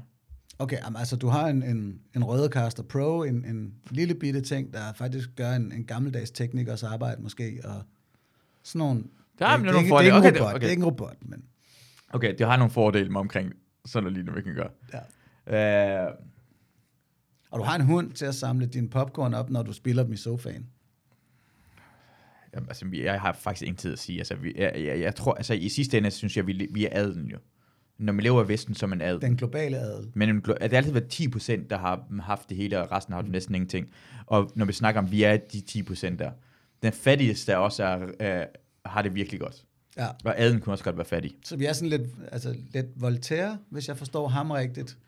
At altså, han kæmpede for sådan mere fællesskab og så videre, men han ville også bare lige selv være rig imens. Ja. Så det er sådan lidt, ja, mere lighed, altså, altså mere bare ro på, dreng. Jeg skal stadig lige øh, øh, til bal øh, i hoffet. Og Ja, ja, ja, selvfølgelig, selvfølgelig. Vi skal, ikke, Ja, ja, ja, ja, vi, altså. skal gøre det, vi skal have det godt samtidig med, at I kommer højere op, eller jeg ved ikke, hvordan det Det her, det lyder, det her, det, det her, det er hvidt. Det, det er en hvid mand, der snakker. Der er et eller andet med, hvor meget grådighed er et naturligt instinkt, ikke? Ja. Og rave til os er et naturligt instinkt. Mm. Og der, der er en eller anden grænse for, hvor meget man kan bede mennesker om at afgive. Det er det der, når Socialdemokratiet siger, hey, afgifter rammer socialt skævt, så bliver fattige mennesker sådan, nej, det er også rigtigt, så skal vi ikke have afgifter, fordi jeg skal ikke give afkald på noget. Mm.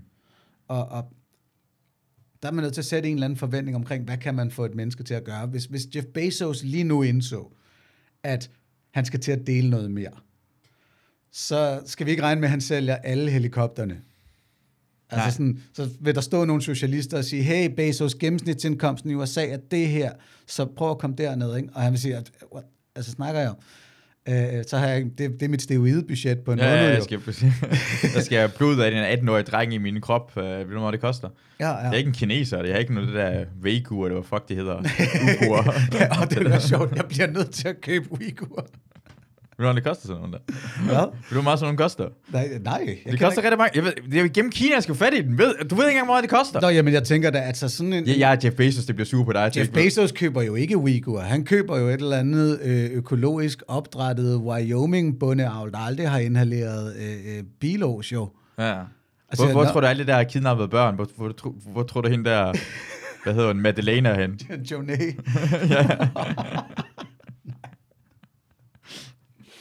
That's some good shit, man. That's some good shit. Oh god. Pure Aryan bloods. Oh my god, det er det bedre end mere end noget andet. Det er så det, ikke? Så står journalist, socialisterne og siger, hey Jeff, du skal være så færdig, og så er han sådan, så bliver jeg nødt til at købe, købe Uyghur. Det kan jeg ikke, det kan jeg ikke. nej, nej, det kan jeg, byde jeg kan gå ned på. den der. Ja. Nej, nej, nej, jeg vil have en helikopter og en Blood Boy om året, og altså, det, det andet går ikke. Let me live, man. I thought it was a free country. Give a brother room.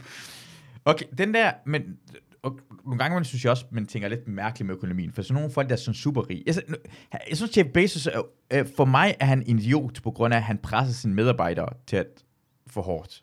Ja, Altså. at det, er en, det er en skør etik, der styrer ham. Det er mærkeligt, men sådan Elon Musk, jeg ved godt, jeg kender ikke alt, jeg ved det hele er spin og alt muligt bullshit. Men dengang han er også sådan, de folk, der har så mange penge, de kan ikke bare, det, penge er ikke på den måde, de kan bare give pengene væk. Her, her, er der, her er 50 milliarder. Det er sådan fungerer økonomi ikke i verden, at du bare kan give pengene væk.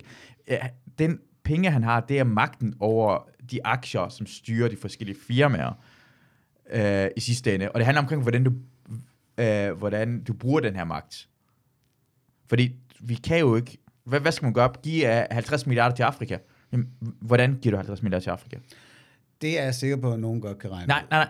Øh, Nødhjælp. Nødhjælp Okay, er noget nej, okay, her er det værste, der er sket. Det stiger rigtig meget lort med nødhjælp, for det går ud over Jamen, det jeg, jeg er lokale med marked. på, at der er masser af historier om dårlig nødhjælp. Der er også historier om god nødhjælp. Altså, det bliver bedre og bedre.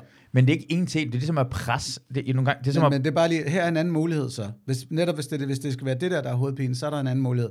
Tag 50 milliarder Bezos og brænd dem. Bare slet dem. Hvis han, hvis han slettede 50 milliarder, så vil... Ja, der er Men- blevet men skabt hvordan- 50 milliarder de sidste to måneder. men, han, men, men, men, men, han er ikke 50 milliarder på bankkontoen. Det er det, mærkelige. Folk tror, han har 50 milliarder på bankkontoen. Det er ikke sådan, det fungerer. Han ejer værdier, det er så meget. Han er ikke så mange... jamen, det er også fint. Slet 50 milliarder i sine egne aktier. Jamen, hvordan sletter man 50 milliarder? Hvad, hvad mener du? Det er værdien af aktierne, der er det. Altså, jeg forstår ikke, hvad, hvordan du siger det. Altså, den, det, aktien beholder den værdi, om du sletter den eller ej. Det hvor nej, mange altså, nej, nej, lad os sige, lad, hvad vil der ske, hvis han slettede 50 milliarder Jamen, af sine egne aktier? Ja, Af hvordan, hvordan, hvordan kan han slette 50 milliarder til sin aktie? Nøjagtigt ligesom en virksomhed kan issue aktier, så kan de jo også slette dem. Jamen, så går de der... Øh, så, men aktie, hvad hedder det? Så, går det? så er det bare de andre aktionærer, der, har, der får flere penge. Ja, Okay. men du reducerer pengemængden i verden. Og, jamen, at, altså, og det er jo det, hvis han sletter 50 milliarder af sine penge, så bliver de, ja, fordelt ud på de andre aktionærer, men de bliver jo også fordelt ud på resten af verden. Stille og roligt. Men, men, men hvis, han, hvis det du, Elon Musk, tænker på, ved du, jeg har det der, jeg vil faktisk gerne bruge det hal- ha- 50 milliarder. Det er det, jeg kan, vi kan gøre allermest, det er at udvikle samfundet. Så mm. internet over det hele, prøv faktisk at komme til Mars, fordi det udvikler det her ting. Jeg gider ikke bare slet med 50 milliarder, for jeg synes, jeg er det faktisk den, der bruger pengene på det rigtige ting at gøre det på. Okay. Og jeg giver ved- penge til mine medarbejdere. Ikke til Bezos. Jeff Bezos er... Men, men, en- men så er du tilbage imod Masud for tre minutter siden, men det er så din din indstilling til produktet, til at bruge, det, man bruger pengene på, at, at nødhjælp virker jo. Altså, der er dårlige historier, ja, men det virker jo. Så det kunne man også bruge 50 milliarder Men, på. men, men nej, nej, men det kan man... Jeg, jeg, jeg tror for mig, nødhjælp er som... Nu forklarer det Men bedst. du, det kun- Nej, nej, nej, nu skal du prøve at høre det. Nu skal, Ja, okay. jeg, jeg tror, nødhjælp, fordi de, de, du kan ikke bare... Du kan ikke skubbe tingene for hårdt igennem. Det kan ikke lade sig gøre. På samme måde som man prøver at genopbygge stater som Afghanistan og man prøver Libyen og Irak. Det, man kan ikke bare presse det igennem sådan noget penge, fordi det kræver... Det langsomt. For at forklare det på en måde, du forstår på, som analsex. Hvis du bare shopper din pik op i røven, så er det ikke nogen, der får noget godt ud af det. Det er langsomt, stille og roligt. Du kan ikke bare... Du kan ikke bare, altså det virker meget smart at bare presse pikken op i røven på en pige, Anders. Mm. Men langsomt, stille og roligt. Og det er det. Så derfor, hvis du har 50 milliarder, du kan ikke bare, det kommer ikke til at hjælpe bare at smide det penge okay. til Afrika. Nu, nu, øh, nu gætter jeg bare. Nu gætter jeg bare. Hvis man får sagt det der til afrikanerne. Hey, vi er i gang med at diskutere, om vi kan give jer 50 milliarder mm. ekstra, men vi er bange for, at det vil være som at shove en dæk for hårdt op i jer, før I er klar til det. Så tror jeg, at en hurtig folkeafstemning i Afrika vil være, bring that dick.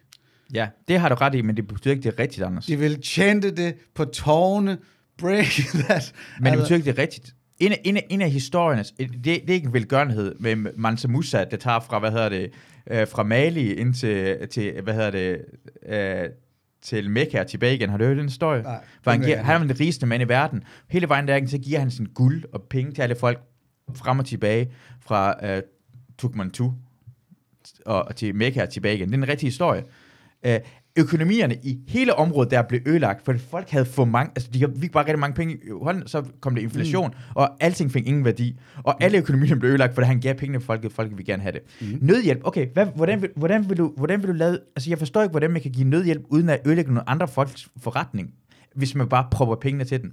Hvordan vil du bygge veje? Jamen, så giver jeg pengene for veje. Hvordan, hvordan, hvordan vil du, altså du skal købe pengene, der er altid en, der findes en marked dernede, som du øh, underminerer ved at give for mange penge væk. Jamen, det er der, hvor jeg siger, jeg regner med, at nødhjælpsorganisationer, som har arbejdet ret hæftigt de sidste 50 år, er klar over, hvordan man gør. Det Og er jeg jeg ikke så regner sikker med, på. at de kan finde ud af, at den kapital, de får ind, skal ikke være øh, super likvid. Altså, du skal ikke stikke, lad os, åh, det er en ubehagelig sætning, men du skal ikke stikke høvdingen en million. Du skal stikke ham øh, en traktor og en, en mekaniker. Øh, fordi det kan han ikke omsætte til, til egen nytte. Hvem er ham der, der, ham der med manden i, i storbyen, som lige havde, hvad hedder det, åh, oh, jeg lige startet min uh, traktorforretning, det er gået i landet, åh, oh, alle er for traktor, alle er for traktor. Shit, det er ikke nogen, der køber i min traktorbutik, jeg er lige gået under. What? Hvad? Hvad? En, prøv ikke ham der i storbyen, ham der i Kenya, som bor i, uh, uh, Nå, i altså, uh, det er en Nairobi. historie om en mand, der... Men en af problemerne har været, sådan, jeg har lige hørt fra en, sådan Haiti, uh, rigtig mange, uh, altså uh, farmerne, især, især det, det er alle de små forretninger, det går under, og det er sådan noget med uh, nødhjælp, især mad. Folk, der sulter. Så, Ja. så sender de masser af uh, mad derned, og lige pludselig alle de folk, der skulle sælge mad på markederne, de går under. Så lige pludselig dyrker heller ikke mad i mm. de der lande, og det så økonomi går under på grund af, at vi giver på en forkert måde, selvom ja. vi har gode intentioner. Derfor jeg tror ikke 50, jeg tror, at den der idé med 50 milliarder, ja, tror jeg bare okay, er noget, vi hæver ud af... Der, der, der er to ting, og jeg tror, den overordnede første, jeg vil af med, det er, at jeg vil også snilt kunne spotte fejl i at bruge 50 milliarder på at komme i rummet. Ja. Ja. Bare lige, det, det, jeg siger jo, er jo, at jeg er med på, at der er modargumenter imod nødhjælp, men overordnet set virker lortet. Det, jeg ikke gider, med, den der, med det der eksempel, der har jeg det sådan lidt, jamen, er det øh, overflod, der har ramt, der har skabt problemet i Kenya, eller er det kapitalismens struktur, der har skabt problemet med de små forretninger, der lige pludselig ikke kan overleve i et overflodssamfund? Men det er ikke overflødet, bare fordi... Hvis du Jo, kan- der er for det- mange traktorer. Jamen, det, det er ikke... Stop, stop, stop. Men, der er for mad, mange det er med traktorer. mad. Jeg, nej, nej, nej, jeg skal ikke stoppe. nej, nej, jeg skal ikke stoppe. Nej, nej. Men Så lad os sige, der er meget mad, og det er det, der er overflod. Lad være med at ændre på det, jeg sagde. Det behøver ikke være for meget mad. Det skal bare være mad nok. Så hvis jeg kan få gratis, øh, øh, hvad hedder det, majs her, hvor jeg skal betale 50 kroner for majsen, så bliver det for meget mere at betale, og, så, og så bliver det... Så, det er så er problemet. problemet overflod af majs, eller er det kapitalismens struktur, der insisterer på, at Nå, du skal jo sælge noget for, at du kan opretholde Hvordan skal man et- vide, hvordan skal man vide hvad noget koster, hvis man ikke skal betale for det? Hvordan skal Hvor- man vide, hvad tingene koster, hvis man ikke skal Præcis. betale for det? Hvad, hvorfor kan vi ikke have et system, hvor der lige... Det er helt ærligt, helt ærligt.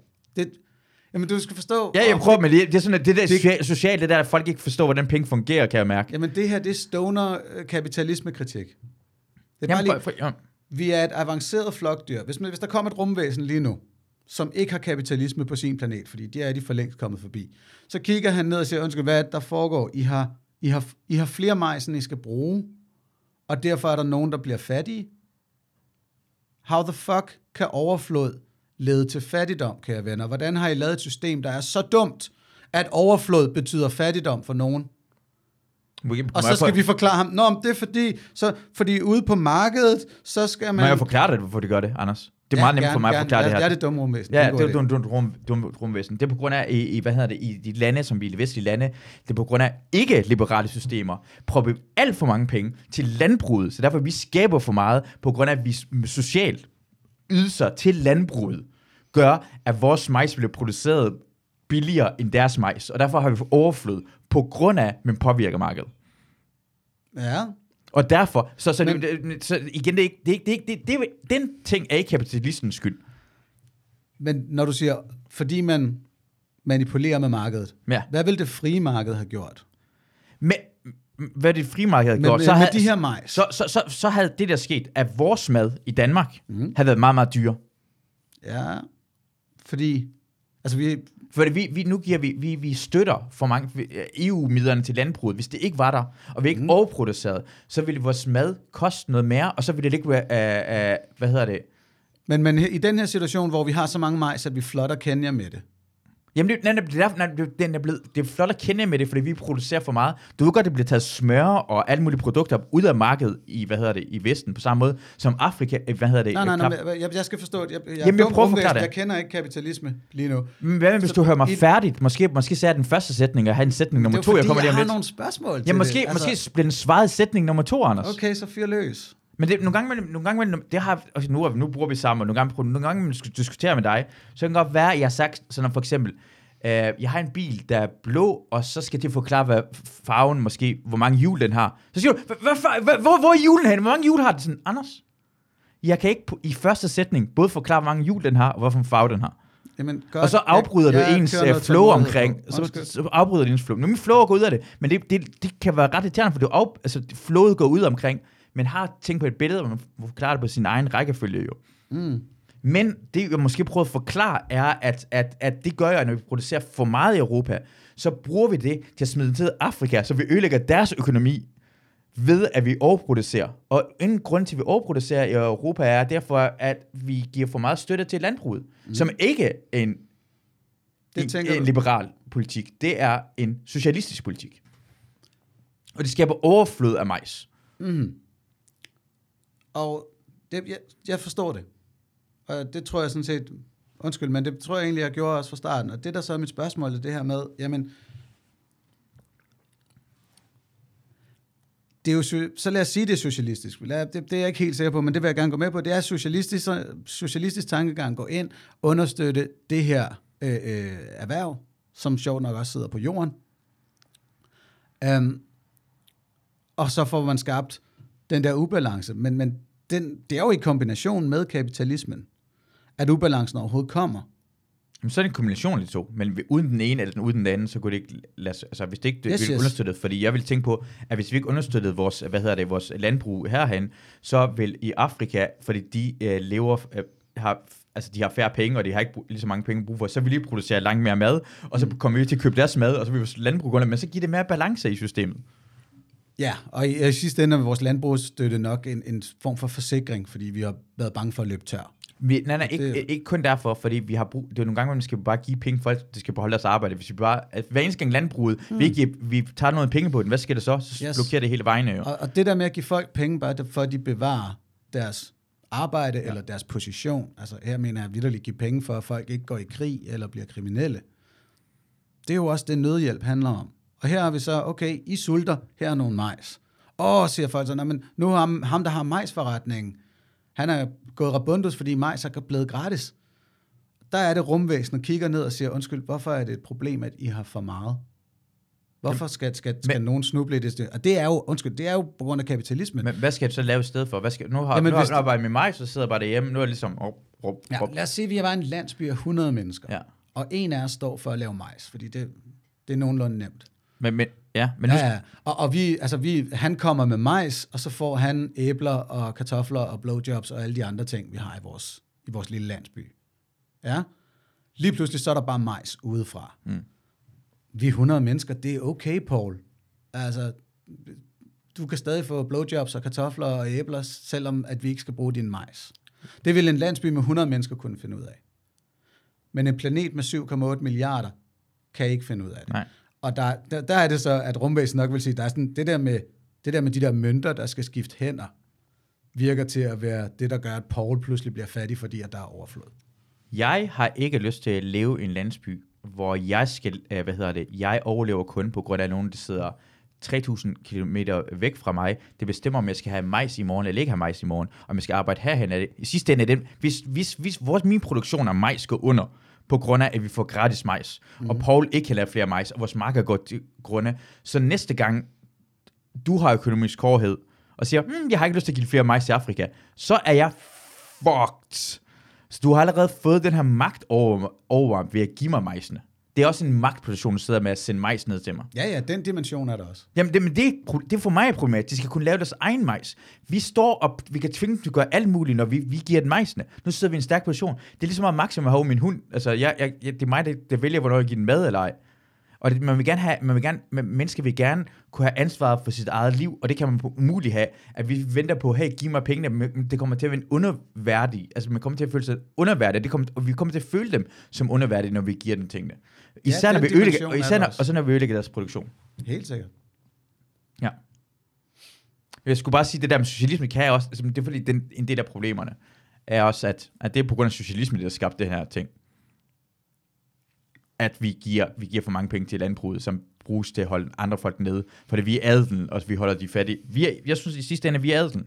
Det er, vores system går ud på at holde fattige mennesker, ikke, i, ikke kun her herhen, men allermest folk i udlandet mm. nede.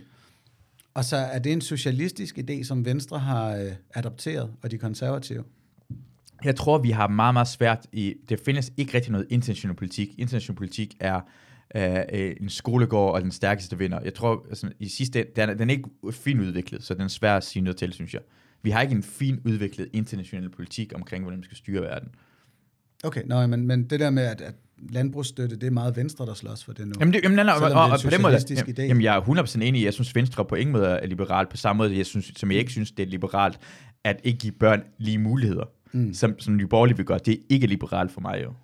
Det er, at give alle folk alle lige muligheder er meget svært, og ikke få folk til at blive afhængige af andre folks støtte. Som, som, men øh, jeg, jeg kommer til at snakke med Dashika omkring det. Hun kommer med i en podcast i næste uge, mm. hvor hun nogle gange med at læse en bog, det handler omkring, hvor, altså, øh, hvad havde problemet med nødhjælp, hvor meget det egentlig har fucket øh, mm. tredje verdens lande. Og det, kommer, øh, og det er også noget, der begynder at komme mere og mere fremad. Fordi det hele handler om gode intentioner. Jeg synes, jeg forstår godt intentionen. Men mm. det har bare påvirket, at de lande bliver holdt mere tilbage, men i sidste ende tror, det er gjort. Og nødhjælpsorganisationer er også blevet på samme måde som øh, danske, altså, de er blevet firmaer også. De skal have deres øh, medarbejdere til også kunne få løn, og de har for deres også lo- lobbyarbejde for flere penge fra andre steder. Så de er også blevet på en eller anden måde korrupte rigtig mange nødorganisationer. Der er lidt som er rød tråd i nogle af de der problemer. Ja. Kapitalisme. Jamen, De er det blevet firmaer. Men, men, men, men, ja, men, Og folk og tænker, er er bekymret for deres job, om der kommer et tal ind på internettet, så de kan købe noget mad. Og rumvæsenet står i mellemtiden og siger, hvordan har I det, gjort det at have overflod og være søde ved hinanden til en problematisk størrelse? Det virker som om pilen peger hen mod det der kapitalisme over endnu en gang. Nå, vi flyver et sted hen, hvor de har civilisation, mand. Vi ses. Jeg synes, øh, men det, jeg synes ikke, det kan være, altså, det, det er, jeg synes, det er problemer med kapitalisme, men for mig er det mere sådan en, en man skal have en dæmning på den, og sådan hjælpe den. Det er, den man skal retning. i den grad have en Ja. ja. dæmning på den. Det er altså, det, det, det, det som, jeg, jeg, jeg voksede jo op og var bare fuld tillid til det der. Og jo mere og mere jeg ser det, sådan, også når vi sidder og har den her gode snak omkring sådan, ej, så nødhjælp, så kan vi ikke engang finde ud af at give det. Nej, ja, fordi lige nu, der, eller lige pludselig, så er der nogen, der skal slås om opmærksomheden og fundingen og så videre. Der går kapitalisme i den. Øhm, det, det, er, det, det er virkelig en voldsom størrelse. Jeg ser den lidt altså, som, som religions små tråde ind i alt muligt. Øh, især konservatisme og fordrejning af politik og sådan noget. Ikke? Og så ser jeg også det her som, fuck, der er mange små ting, hvor den der kapitalismekraft trækker os i en bøvlet retning. Ja, ja, bare, bare ind til det næste spørgsmål, så vil jeg bare lige sige, sådan, det er sådan igen, USA gjorde det godt i gamle dage. Altså Teddy Roosevelt blev kaldt for The Trustbuster, fordi han hele tiden, hvad hedder det, han kunne se, at der var mange problemer med økonomien på grund af for mange monopoler, yes. Og han stoppede monopolerne, bare- bare ved at kunne se, at det kunne være problematisk. Igen, man skal kunne se, det er bare lang tid siden, man har gjort det. Det kan være, det er fordi, at, at sådan noget primitiv magtkamp er så langt adskilt fra vestlig civilisation. Prøv lige at check it out, check it out. Saddam, han var hele tiden, hver måned nærmest, nødt til at være på spidsen, fordi en anden stærk mand kan tage hans plads. Mm. Der er ikke reelt demokrati. Han kan aldrig sådan sige, hey, der er nogen, der kuber, det er ikke fair. Bare sådan, du, du selv kuber. Mm. Hvad vil du gøre? Og her, da Roosevelt går ind over for, øh, for Rockefeller, og de andre store og siger, det går ikke, det der dreng, I er simpelthen ved at blive for store. Der er det jo fordi, han kan godt se præsidenten i horisonten. Han kan jo godt se, hvordan Rockefeller, han siger, dude, jeg tager dit fucking kontor, hvis der skal være mere bøvl eller topskat fra dig. Mm. Og så er han nødt til at slå til på et tidspunkt, før at Rockefeller og de andre bliver forstærket, og siger, okay, ser du topskat? Nu lige her, mand. Double down, all in. Mm. Vi, fucking, så tager jeg dit shit. Mm. Fordi du skal ikke til at blive præsident, bare fordi du har scoret penge. Mm. Øh, og jeg aner ikke, hvem der vil kunne gøre det i dag. Fordi der er ikke den samme alertness omkring, at det er, det er Bezos, der kommer efter Joe Bidens plads. Det er det ikke helt på samme måde. Det har er det ikke sådan- behov for. De påvirker jo, øh, hvad hedder det, præcis, øh, politik ikke? på en helt anden måde. Du behøver ikke blive valgt ind. Ham og, den Biden nye, ham og den nye adel er slet ikke bekymret for, for demokratiet som sådan, fordi det kan købes. Det er derfor, jeg tror, at Trump blev valgt, på grund af, at man tænker på, at han var ikke købt, han var, han var, han var ikke, hvad hedder det, jeg er købt af nogen som helst, og det var han ikke, indtil han blev valgt, tror jeg. Tror, han Ja. blev valgt, hvis jeg var, du bliver nødt til at gøre det her ting, fordi vi, vi styrer mere, end du tror. Men jeg tror, før han blev valgt, var problemet med ham var, det er ikke nogen, der ejede ham. Ja, men det viser også skræmmende, altså lad os endelig sige det, ikke? at Trump var faktisk kapitalismens præsident. At der er ikke nogen, der på samme måde har været nødt til at gøre præcis, hvad de bad ham om. Så er det fandme også nogle wicked ting, de har gjort. Altså en ting er for, forståeligt for de skattefordele. Altså sådan, du, du er en tonserig dude, mm. Koch-brødrene og så videre. Mm. Ja, giv os nogle skattefordele. Og så i mellemtiden, så siger han, om så til gengæld, øh, de religiøse vil have de her galninge ind i, øh, i højesteret, og folk er sådan, ja, ja, ja, det gør vi. Ah, kunne I forhandle lidt hårdere for os andre, Bezos og banden, når nu I har så meget magt mm. i det der kabinet? Så prøv lige at sige, nej, selvfølgelig skal vi ikke til at gøre, men jo, vi skal til at gøre abort til en kæmpe stor ting, som fattige, det er sådan, man, som er fattige sådan, mennesker skal gå Det er fordi, det er sådan, man vinder stemmer, hvis du vil næste, øh, hvad hedder det, øh, valg, i stedet for at snakke omkring, hvorfor jeg har så mange penge, så skal du gøre abort til en stor ting. Det er den smarteste måde at gøre det på. Snyde fattige mennesker. Hvis, hvis, ja, men du behøver ikke kun fattig, det er bare mennesker, der ikke, altså måske har en sag, det går rigtig meget op i. Fordi som Louis C.K. Nå, du sagde, at skaber hvis, sagen. Det er, jo, det er jo det. Altså takket være at sige, de dræber babyer, Ja, dræber så er de babyer. ligeglade med Det gør de skat. også. Så er de ligeglade med skat, ja. Med deres egen økonomi og jobmuligheder og fairness over for andre mennesker Ja. osv. Men, men, men så siger man, jamen, hvor, mm, er, det ikke, er det ikke færre, at jeg går op i andre folks velfærd, som går op i babyer, derfor jeg går op i om, omkring, hvad, hvor mit arbejde er hen? Det, det, det er som om, det er, jeg er bedre Jo. menneske ved at være på den måde der. Rent etisk. Ja. Rent etisk, så er det helt fair, hvis du synes, at nogen er i gang med at dræbe en baby. Så kan jeg godt forstå, det er det, du går ud og demonstrerer imod om lørdagen. Øh, rent pragmatisk, så skal du som sådan et menneske lige tænke, okay, er min empati i gang med at fuck med mig her, fordi jeg kan forestille mig en baby dø, men jeg kan ikke finde ud af de 15.000, der dør hvert år på grund af et underfunded sundhedssystem, mm. eller på grund af sådan sådan. Altså alle de menneskeliv, der, der ryger, fordi jeg stemmer republikansk. Mm. Og igen, så har vi gjort personen en- til en megaloman stemmeanalytiker. Men igen, det, kommer, igen, det kan komme til at lyde kynisk, men siger, hvad, hvad med hvis vi øh, hvad hedder det, lige øh, bomber det her land, måske dør der 200.000, men så øh, overlever 10 millioner, tror vi, fordi det bliver ikke til en større krig. Og måske lyder det kynisk, men det er bare fordi, du ikke har tænkt over, at det er meget bedre. Okay, øhm, Men det kommer også bare, at kynismen Ja, ja, ja, ja, ja. kan komme til at lyde på den måde der. okay men, men her, der vil jeg bare sige sådan, her, det, det etiske spørgsmål, jeg stillede op, der hjælper videnskab også ret langt hen ad vejen. Åh, oh, der er din videnskab. God damn it. you and you facts, Anders. Ja, fuck ja, mand. Nej. Always with the facts. Lad mig lige føre your facts, Anders. Okay, den danske Joe Rogan, han gider ikke at høre på det pis. Men nej, nej, jeg vil gerne høre det. Jeg, jeg, jeg, jeg, det var, Nå, jamen altså, vi, jeg- ved, hvor meget det koster på grund af øh, øh, sparinger på sundhedssystemet. Vi ved, hvor meget det koster på grund af forurening i vores storbyer. Altså, at skorstenene skulle dræbe mennesker og så videre. Vi ved alle de her ting. Og kan sige, hey Lotte, hvis du nu lagde det der Gud hader dig skilt ned foran abortklinikken og gik ind og bekymrede dig om nogle af de ting, som rent faktisk koster langt flere menneskeliv. Mm. Bare den pragmatiske vurdering, kunne man sige, så vil hun nok sende, sætte krydset anderledes og begynde at lure, at abort er en, et, en debatpolitisk manipulation af rang, der, Hvad, der, der tager nogle penge fra hvad, hende. hvad med de fleste folk, der er imod abort, er ikke bare sådan, er ikke personer, der står med en skilt uden for abortklinikker og siger, øh, Mm. Ja, ja, hun er karikaturen af det. ja. Ja, ja. Men, Fordi- men de andre, der er det også sådan, at jamen, hey, den etiske vejning af det her politiske spørgsmål, er du sikker på, at du har den Fordi rigtige? jeg, jeg tror også, at venstrefløjen kan godt lide, at den debat er der i USA.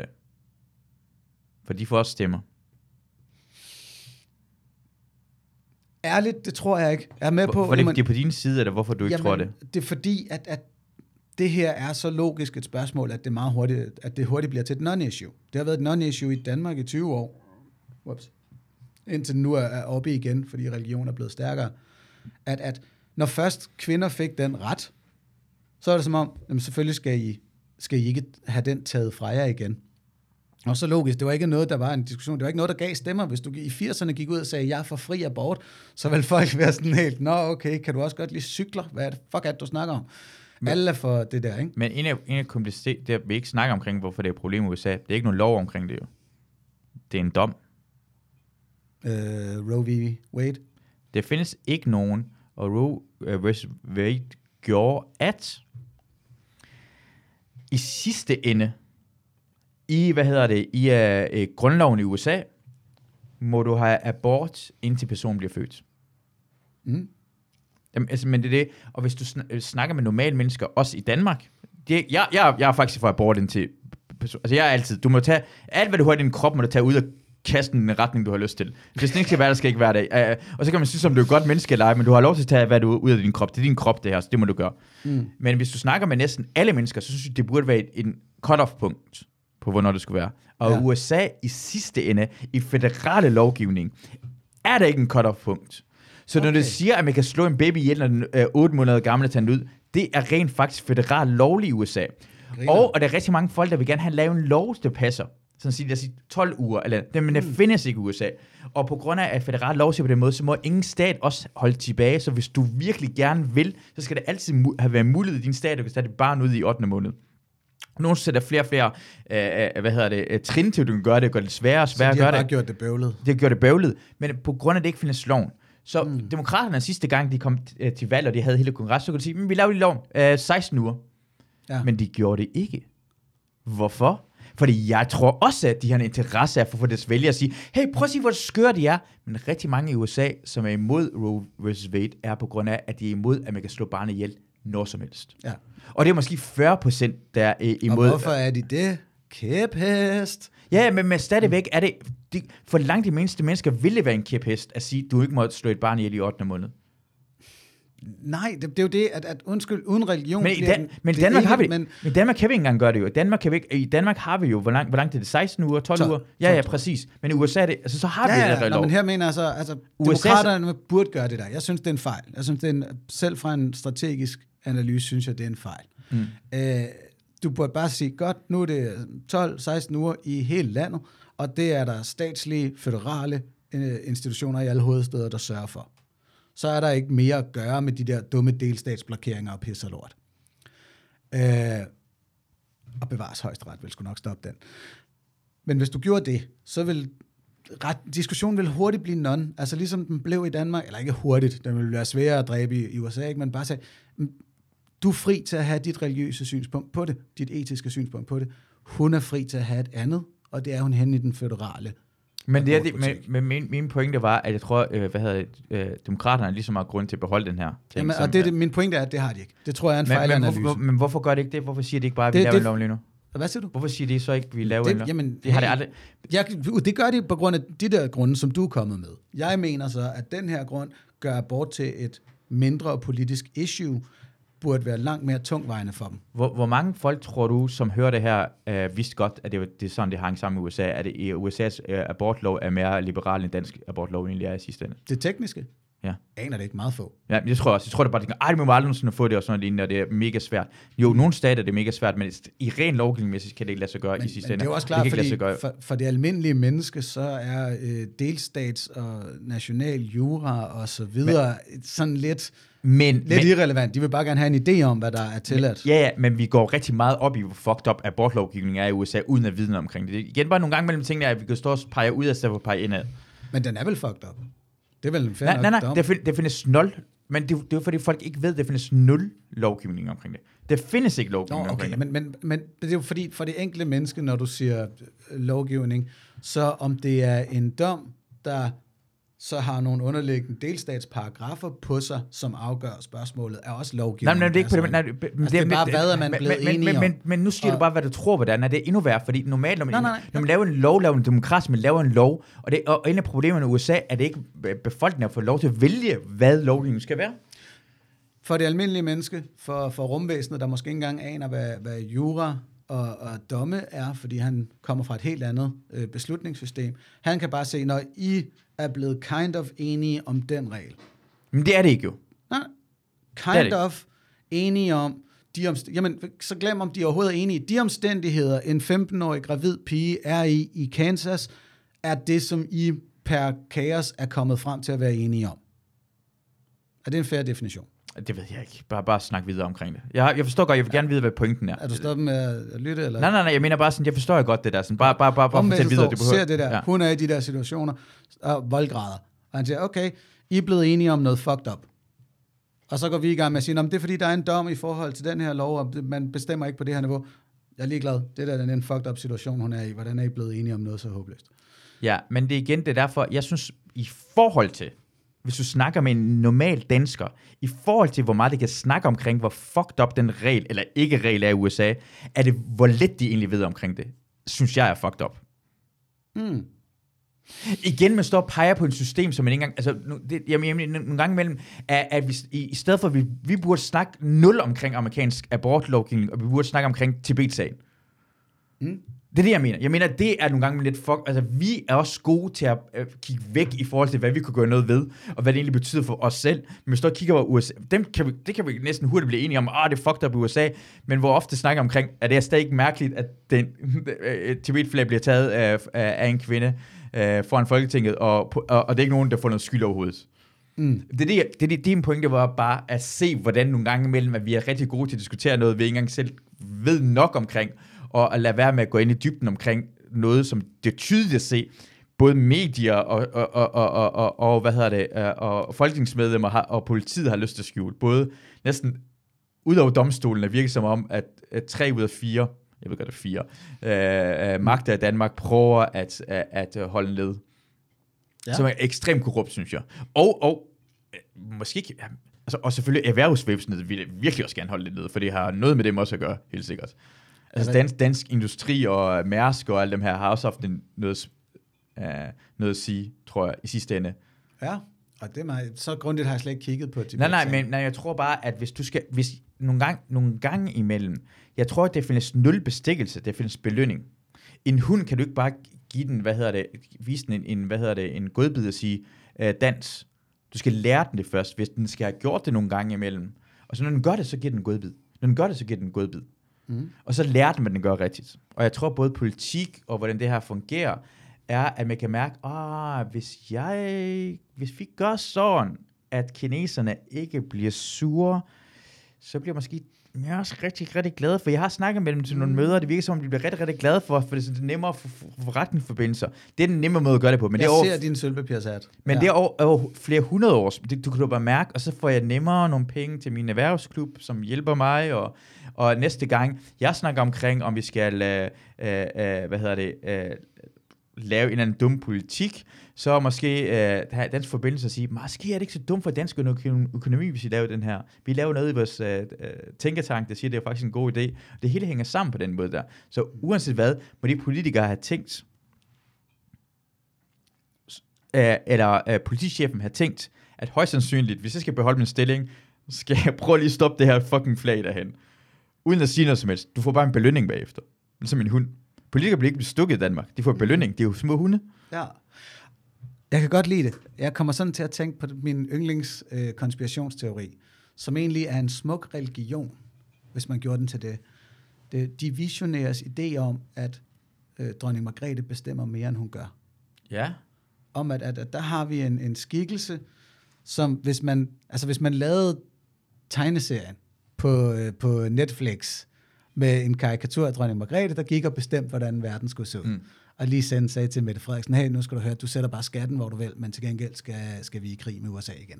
Mm. Eller kom med den der og sagde... Øh, Altså i samarbejde med USA, ikke mod, altså med USA. Sådan, ja, ja, ja, ja, ja, selvfølgelig. ja.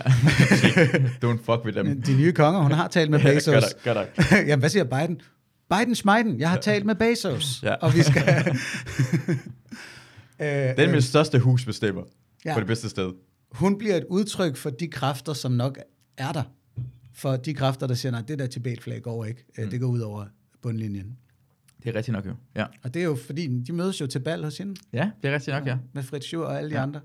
Men det, det behøver ikke være en konspiration, det er bare den, man kan mærke, hvad der er godt. Du kan også mærke, okay, hvordan politik eksisterer alle steder. Hvordan opfører du dig på dit arbejdsplads? Går du bare sådan direkte til chefen og siger, kraften med lort, eller sådan, ah, vi skal lige finde ud, vi tænker, ah, det er bedre, hvis jeg kommer lige længere op på position, så kan jeg ændre på noget. Ja. Sådan fungerer det hele vejen igennem, det har det gjort hele liv. Hvorfor skulle magten andre steder i verden fungere på andre måder? Det er mennesker det hele. Det du siger er, selvfølgelig er der stadig et hof. Selvfølgelig er det det.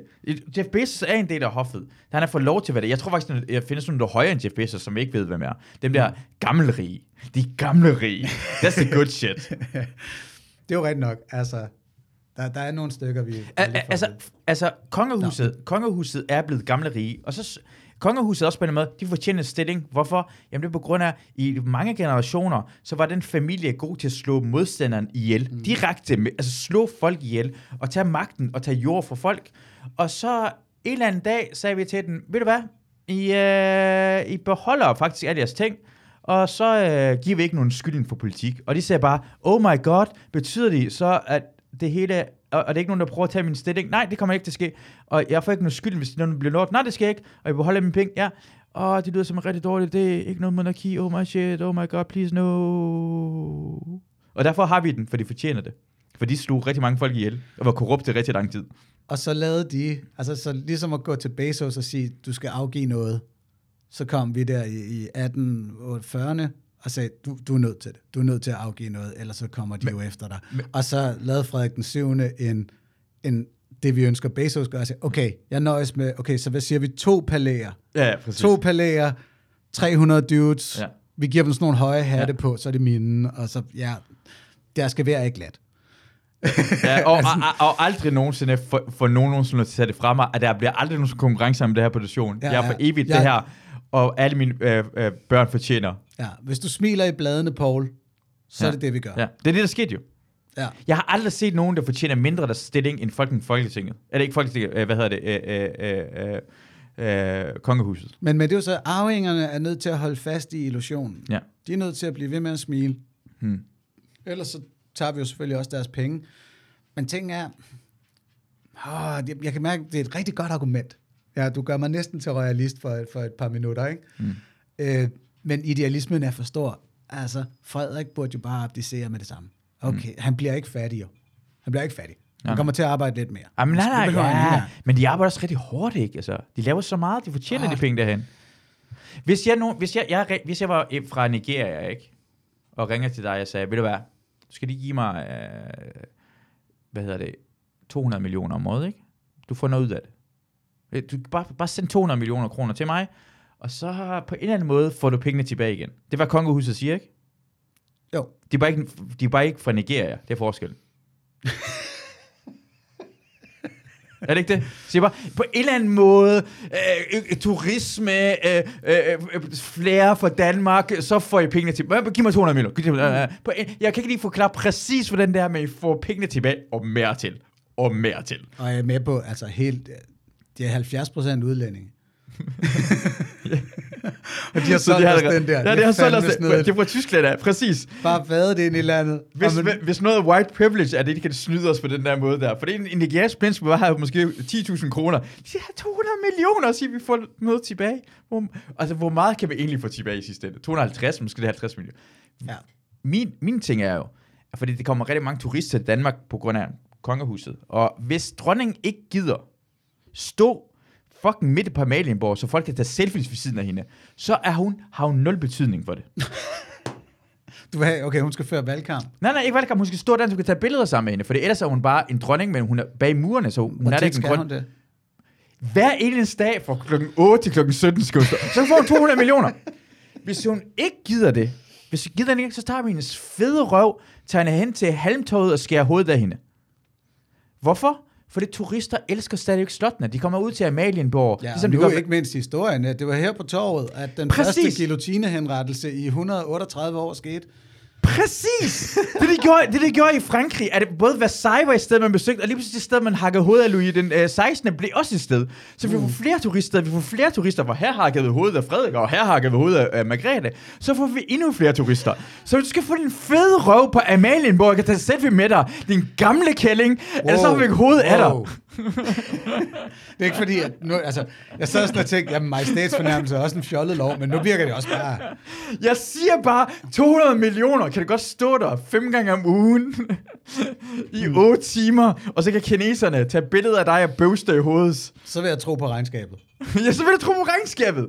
Prøv du, du, du kan tage et billede ved sådan en reel royal. Du får ikke, åh, oh, jeg ser på det her bygning. Hun bor i Fredensborg det meste af året. Hun Ja. bor alle mulige andre steder, hun ja, det er der ikke. Selvfølgelig gør hun det, mand. Der er turister af Ja, helvede præcis. til. præcis, hun gider heller ikke være der. Så jeg har to muligheder igen for dig, Margrethe. Få din fede, gamle røv. Dude, dude. Det, er altså også... Nå, nu skal jeg også tisse. Skal vi Nå. lukke på det der? Ja, det er gået halvanden time. Det var bare fandme hyggeligt tid. tak for, at jeg lyttede med. Jeg håber, vi vil lytte en anden gang. Hej.